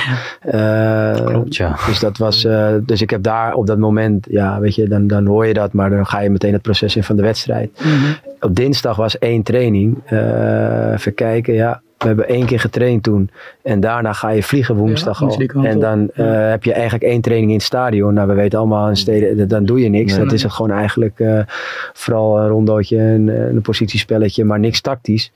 Eh, dus dat betekent dat we gewoon heel veel meeting hebben gehad. Ja. En eh, dan heb je op de wedstrijddag meetings. En eh, als je aankomt, eh, meteen eh, s s'avonds. eh, per linie hebben we toen eh, gekozen om, eh, om meetings te houden. En hetzelfde, en, en eh, bij PSV zaten we ook in een hotel. Dus we kwamen terug eh, vrijdag eh, laat, een uur of eh, vijf op de toekomst. Nou ja, dan, heb je, dan, dan zit je daarna die hele tijd om eh, gewoon het plan te maken voor de volgende dag. Hè, dan is er, zijn er al mensen bezig geweest om PSV te bekijken. In het vliegtuig ben je eh, met elkaar bezig om daar alvast op door te gaan. Maar we vonden het ook belangrijk om de succesmomenten van Brighton, en het klinkt heel gek, maar binnen de afspraken die we hebben gehad, hebben we een aantal dingen gewoon goed gedaan. Nou, waar je ook vertrouwen uit Ja, putten en, en dat vertrouwen had je nodig om weer een volgende stap te maken. Maar we hebben ook dingen daar laten liggen aan de bal. Mhm. En ik vind altijd dat je het verschil, wij als Ajax zijn, die moeten het verschil maken aan de bal. Mhm. Dus de momenten die we hebben laten liggen om vooruit te spelen, terwijl we wel in de juiste ruimtes kwamen of de juiste overtallen hadden, Ja. eh, die moet je wel laten zien. En wat mij opviel in die trainingsbeelden bijvoorbeeld van Brighton, is dat jij op het veld een best wel actieve rol ook gelijk had. Is dat iets voor jou van om, als je nieuw in een groep komt of bij een selectie waar je niet dagelijks voor staat, eh, voor staat wat je moeite kost? Of gaat dat eigenlijk heel natuurlijk? Eh, nee, ja, goed. eh, uiteindelijk, je komt in die situatie, je kent heel Mhm. veel spelers. En Ja. het Wiegers, eh, die was natuurlijk gewoon op dat moment de hoofdtrainer en, Mhm. en, en was heel open. Dus we hebben dat met elkaar gedaan en hij heeft dat uitstekend ingevuld, denk ik, om dat, om dat samen te doen. En, en zo, zo hebben we dat met elkaar ook, ook ingevuld. Ehm, Maar nee, je, je, jou moet gewoon handelen. Niet een big ja. deal dat je denkt van, ook ik, ik sta nu voor Ajax 1. Dat, je gaat eigenlijk gelijk Nee, in, dat, in nou, dat proces. En, eh, Nee, ja, eigenlijk niet echt. Ik- en ik ken de spelers, maar ja, je hebt ook natuurlijk gewoon twee jaar lang eh, bij Rangers of anderhalf seizoen daar een Europa League finale gespeeld. Wat groepsfase Champions je League. en- hoofdtrainer was geweest, toch? Dan was dat misschien wel. Ja, tuurlijk. Dat, dat- dan, heb je, dan heb je de dingen erbij als pers en media. Maar eh, ja, voor de rest... Ja, dan krijg je het, eh, Sammy. Dan Ja, krijg je die, dan krijg je dan krijg je die laatste vraag. Dat, eh, moet je je voorbereiden op de laatste vraag. gemaakt en dan eh Is dat wel jouw ambitie? Gewoon Ajax 1? Ooit. Ja, absoluut. Dat is, dat is zeker een ambitie. En uiteindelijk bepaalt de omgeving eh, ja, tuurlijk. eh, wanneer zo'n moment zou kunnen komen, als dat ooit komt. Maar overal, of waar ik invloed op heb, probeer je om, eh, om jezelf te ontwikkelen, om ooit in zo'n situatie te komen. Heb jij een bepaald carrièrepad voor ogen? In die zin dat je misschien in Nederland nog bij een andere club eerst als hoofdtrainer ervaring op wil doen? Of? Nou, ik, ik moet zeggen, je hebt wel vanaf eh, uiteindelijk ben ik een keer in de middenbouw begonnen van oké, waar wil ik staan voor mijn 45ste? En dan heb je zo'n stip aan de horizon heb ik gemaakt voor mezelf van eh, eigenlijk hetzelfde wat je met je spelers doet, van waar wil je dan staan? En eh, toen heb ik gezegd dat ik voor mijn 45ste wilde coachen in de Champions League, zeg maar als droomdoel. En vanuit daar ga je kijken. Toen had ik nog geen coachstad voetbal. Van nou, coachstad voetbal. Ik wil misschien wel eerst assistent worden in, in het betaald voetbal. En zo ga je proberen om, om te kijken wat, eh, eh, wat voor stappen je invloed vooral op hebt. Hè? Want de voetballerij is heel gek. Eh, dus eh, uiteindelijk, wat ik zeg, bepalen omgeving, mensen, die bepalen zo'n stap. Ja. En het enige wat je kan doen is zorgen dat je ehm, ja, alles hebt gedaan om voorbereid te zijn op het moment dat die stap komt. En dat is hetgeen wat je, wat je, waar je dagelijks mee bezig bent en nu nog steeds. Ja. Nee, maar dat vind ik wel fascinerend, want er zit best wel een parallel in. Of, nou, niet helemaal natuurlijk, maar hoe je dat ziet als dat pad en dat je er klaar voor bent en alles aan doet. Dat heeft hij te gaan natuurlijk ook gedaan binnen Ajax en echt zichzelf helemaal eh, opgewerkt. En op dat moment door de omstandigheden natuurlijk voor die groep gegooid. En vervolgens ook door de omstandigheden eh, eruit gegooid. Even kort gezegd, niet alleen eruit bij Ajax 1, maar gewoon uit heel Ajax gegooid. Ja. Wat, ehm, wat je ziet dat je iets heel zorgvuldigs kan opbouwen, maar dan in één keer in een paar maanden ook helemaal weg kan zijn. Dat, dat blijft natuurlijk ook wel het, eh, het lastige. Ja, kijk, weet je, ik, ik heb zoiets van op het moment dat dat eh, hetgeen is waar je aan gaat denken, dan, dan kies je het verkeerde beroep. En weet je, ik, ik was 16 toen ik voor het eerst, of 15, dat ik voor het eerst training gaf. En ik heb, ik heb nooit betaald voetbal gespeeld. Dus vanaf dat moment eh, ben ik eigenlijk al 25 jaar trainer. Beïnvloed je spelers, groepen, mensen, organisaties. En is dat het pad geweest wat ik heb bewandeld? Hè? Dus eh, mensen zeggen wel eens, ja, ervaring. Hè? Maar uiteindelijk ben ik 25 jaar lang ben je al bezig met iets. En ehm, daar werk je elke dag aan. En ik geloof erin wat ik doe. Ehm, ik geloof er heel erg in de mensen om me heen. Eh, hè, want bij Ajax, zoals, eh, de, de staf die ik heb bij Jong Ajax, vind ik, vind, ik echt, vind ik echt een goede staf. En ik vind het ook gewoon mensen die iets anders hebben dan ik. Hè, dus ik zoek, zoek alleen maar mensen om me heen die ergens beter in zijn dan ik. Omdat het geen zin heeft eh, als ik, eh, die moeten iets doen wat, wat mij aanvult. Dus ik heb altijd gewerkt vanaf de, vanaf de onderbouw al met eh Noordin Woter, met eh, ja, Ronald de Boer, met eh, Kenneth Perez, met eh, nu met, met, met Urbi Emanuelson, Juri Roos, eh, Cedric van der Gun, ehm, eh, Dus het zijn, ik heb altijd heel bewust mensen om me heen verzameld die dat eh, hadden wat, wat ik niet heb gehad. En uiteindelijk die combinatie van eh, die twee werelden, daar geloof ik heel erg in. En hoe waardevol is het dat je dan zo'n avontuur als Rangers meepakt? Ik kan me voorstellen dat het heel waardevol is. Dat je het ook even buiten de Ajax ook Ja, hebben. nee, absoluut. En meekrijgt allemaal wat er gebeurt. Ja, want je wordt, je wordt bij Ajax natuurlijk wel redelijk eenzijdig. Hè? Dus het is eenzijdig als het gaat over... Kijk, ik ben Ja, nee, maar dat, hè, de, de manier van spelen. En ik, ik moet ook heel eerlijk zeggen dat ik best wel... eh, die- dus het triggerde me ook wel van... Oké, in een andere omgeving eh, zijn er nog steeds de, eh, de uitgangspunten die je hebt. Hoog, snel, laag opbouwen. En ten koste van ja, bijna alles. En dan, dan ga je zo'n proces in. En ik moet zeggen, eh, Giovanni vind ik echt een, een hele eh, goede manager. Een goede trainer, een fijn mens. En hij was heel erg open. Dus ik was daar verantwoordelijk voor het trainingsproces. En ik deed de analyse tegenstander. Ehm, en uiteindelijk eh, ja, heb ik dus alles eigenlijk kunnen doen. En ehm, dan is het nog wel grappig dat je, want dat was een redelijke Feyenoordstaf, hè, die dat allemaal dat gedaan. Dus dan kom je ook nog wel samen van oké, welke, wel. eh, welke, ja, nou, maar hij was daar ook heel erg bewust en open in waarom hij voor mij koos. En ehm daar ga je best wel Ook kijken. nou, ik zie het nodig om te winnen. Ja, is mooi hoe je dit omdraait. Ja, Aan het ja, einde ja. van dit kalenderjaar zou dat we even... hij, heeft, hij heeft sowieso, maar als je naar zijn carrière kijkt, hij heeft onwijs veel gewonnen. Zeker. Eh, onwijs veel prijzen Ja, ja, gewonnen. dus hij had mij daar niet voor nodig. Maar het gaf meer aan hoe hij ook bezig is om mensen om zich heen te verzamelen die iets kunnen toevoegen op wat, ja. wat misschien hij, eh, waar hij in zat. Maar ik weet nog, wij speelden eh, Dortmund uit. Eh, dat was de eerste wedstrijd, de eerste ronde van de Europa League. En Dortmund was speelde goed, en ook vierkant op middenveld. En, en dan kom je in een bepaalde keuze. Oké, hoe gaan we verdedigen? Hè, en dan kan je verdedigen met bijvoorbeeld eh, je, met je, jouw twee zessen, hun twee tienen koppelt. En dat jouw ene tien met je buitenspelers een beetje tussen hun. Of je zegt, oké, ik ga met twee tienen vol tegen hun zessen. En we zetten drie op drie daar hoog. En we gaan gewoon doorstappen. En dan moeten ze maar de bal krijgen ergens hoog op het veld. Ja, en dat soort discussies kom je dan in terecht. En dan, dan, dan spreekt alleen maar je Ajax hart van ja, als wij het kunnen voorkomen, ja, dat is beter dan die Ja. valse zekerheid van we gaan terug. En dan, als er dan één foutje is, dan ligt hij meteen, anders moeten ze nog 80 meter naar je goal.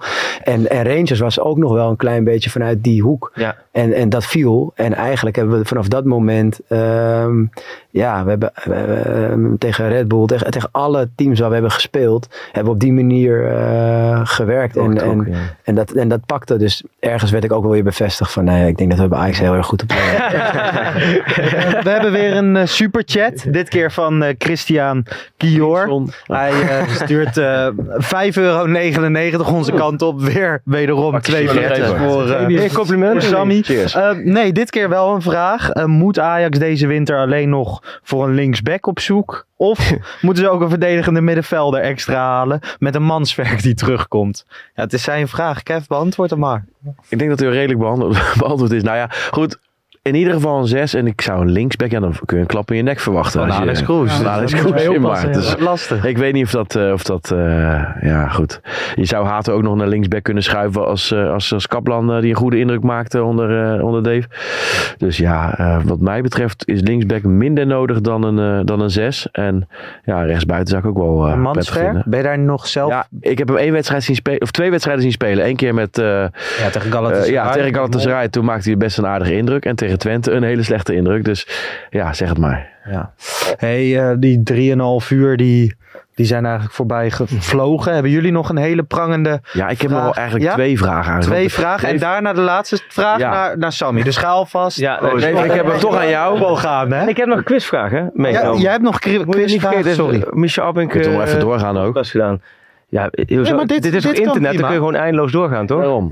Nee, Dave, ik wilde, kijk, ik weet, jij luistert. Als jij naar huis woont, Lars, joh, ga lekker naar huis. Prima, twee vragen, Kev. De Ja, quiz ja. van Freek, Nee, nee, luister nou vraag van Sam. Dave, ik weet, jij luistert wel eens naar ons, hè? En heb je nou een voorbeeld van, eh, dat is echt absolute onzin die jullie verspreid hebben? Of andersom, dat je denkt van, nou, hier zit eigenlijk wel wat in. Dan ben ik En op een andere, dan? ben ik op een andere, ben ik op een andere manier naar gaan kijken. Dat jouw laatste vraag ook kunnen zijn. Hè, bijvoorbeeld Coloco in de spits of eh, Om maar even iets te noemen. om maar iets te noemen.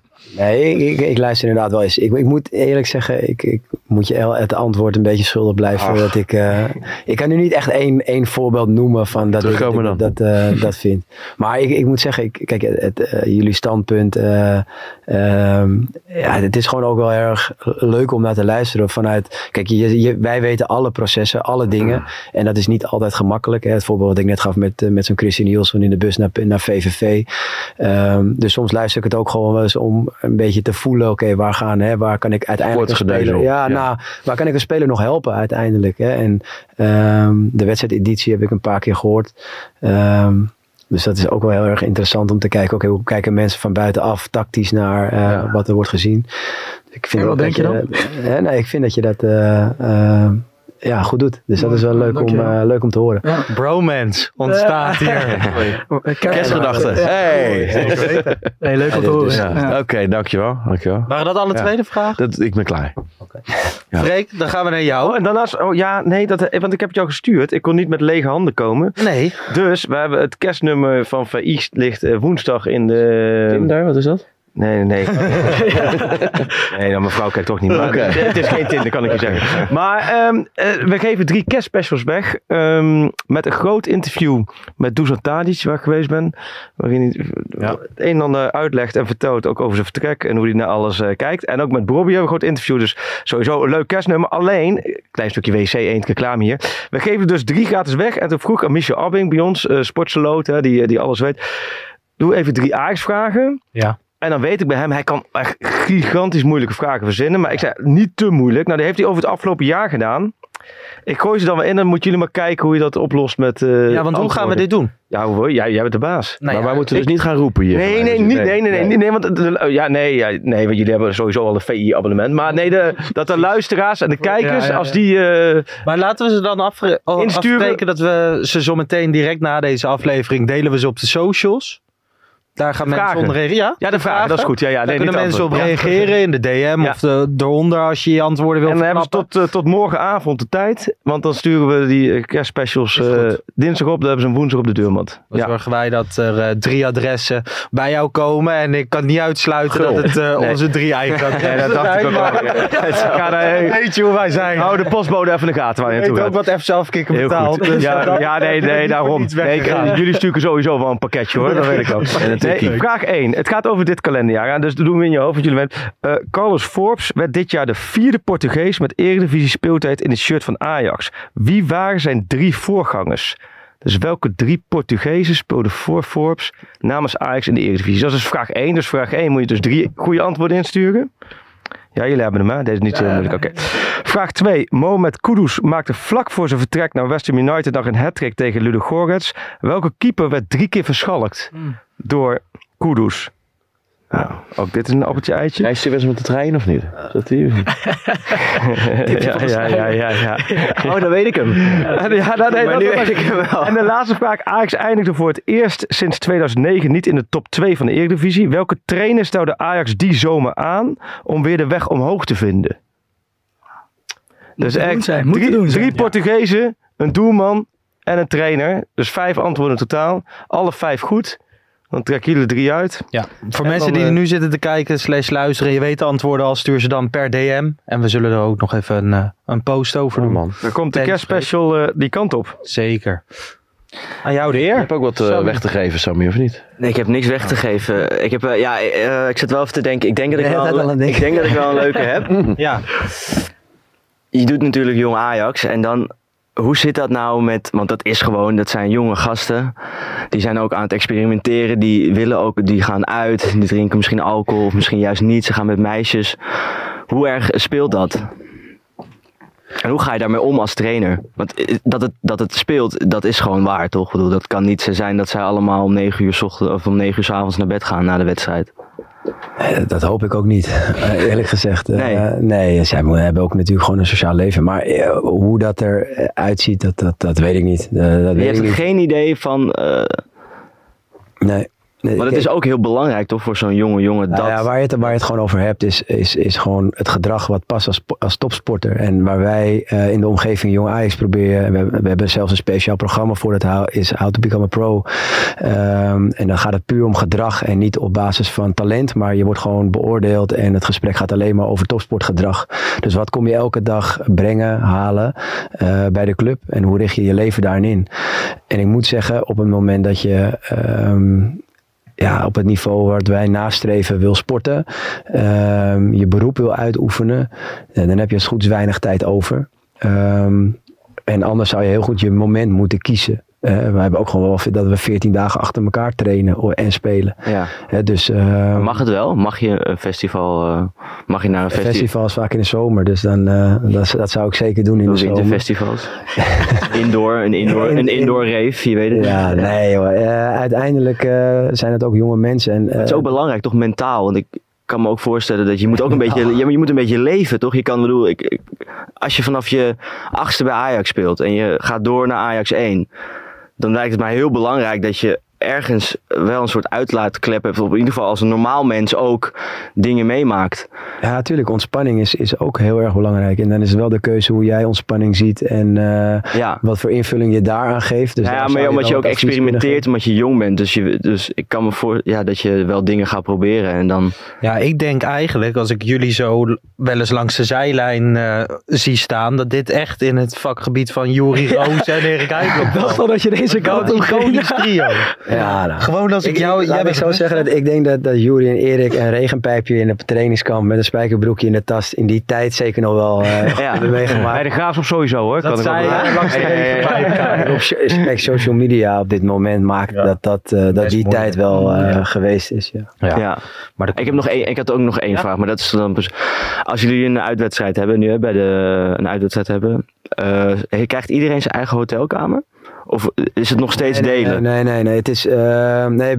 Bij het eerste elftal heb je gewoon je eigen kamer. Iedereen. Dus iedereen heeft zijn eigen kamer. Ja. En bij Jong? Eh, jong zitten wij niet in een hotel. Dus we hebben nu Groningen gehad. En eh, we hebben nu twee wedstrijddagen gehad dat we een daghotel hebben gehad. Hè, omdat Ja. je gewoon lang reist. Dus dan reizen we in de ochtend.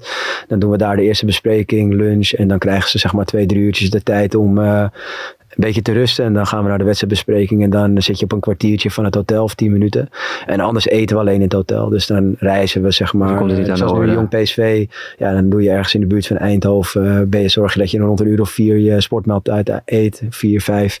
En dan heb je nog een klein stukje. Dus eigenlijk bij ons eh, hebben wij niet een moment dat je echt overnacht. Oké, duidelijk. Oké. Ik, Wil jij twee, eh, twee vraag, kamers? Wat, wat vind jij?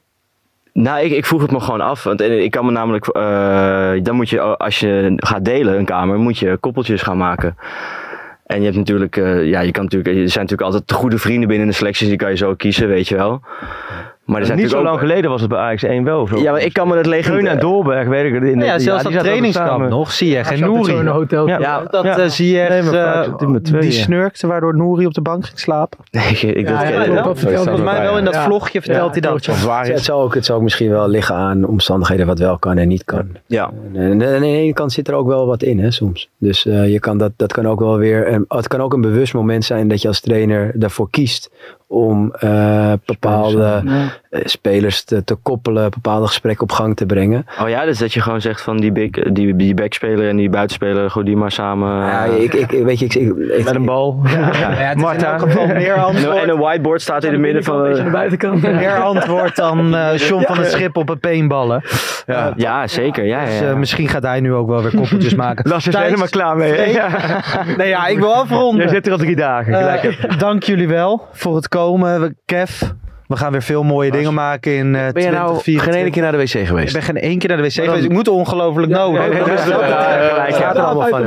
ja, het is allemaal van Hebben we dan niet één filmpje Ik gemist? zin Vraag ik in. me af. eh, ja, die komt eh, later online. Oké. Dus dat komt helemaal goed. Sammy, dankjewel. Dave voor het komen. Excuus aan je vrouw dat je nog een avond over voetbal bent gaan praten. Dan richt ik me nog even op de kijker slash luisteraar van onze podcast. Het was een mooi jaar 2023. We hebben superveel gemaakt. We hebben heel veel tegenslagen met z'n allen gekend. Maar ook heel veel positieve dingen. Ik hoop dat jullie allemaal mooie kerstdagen hebben. En een eh, prettig uiteinde. En dat het jaar 2024 een veel mooier jaar wordt dan 2023. Abonneer je even op het YouTube kanaal van FC Afkikken. Vijf sterren op Spotify achterlaten. Dan zijn wij helemaal blij. En dan eh, bij deze zeg ik bedankt voor het luisteren slash kijken. En tot volgend jaar.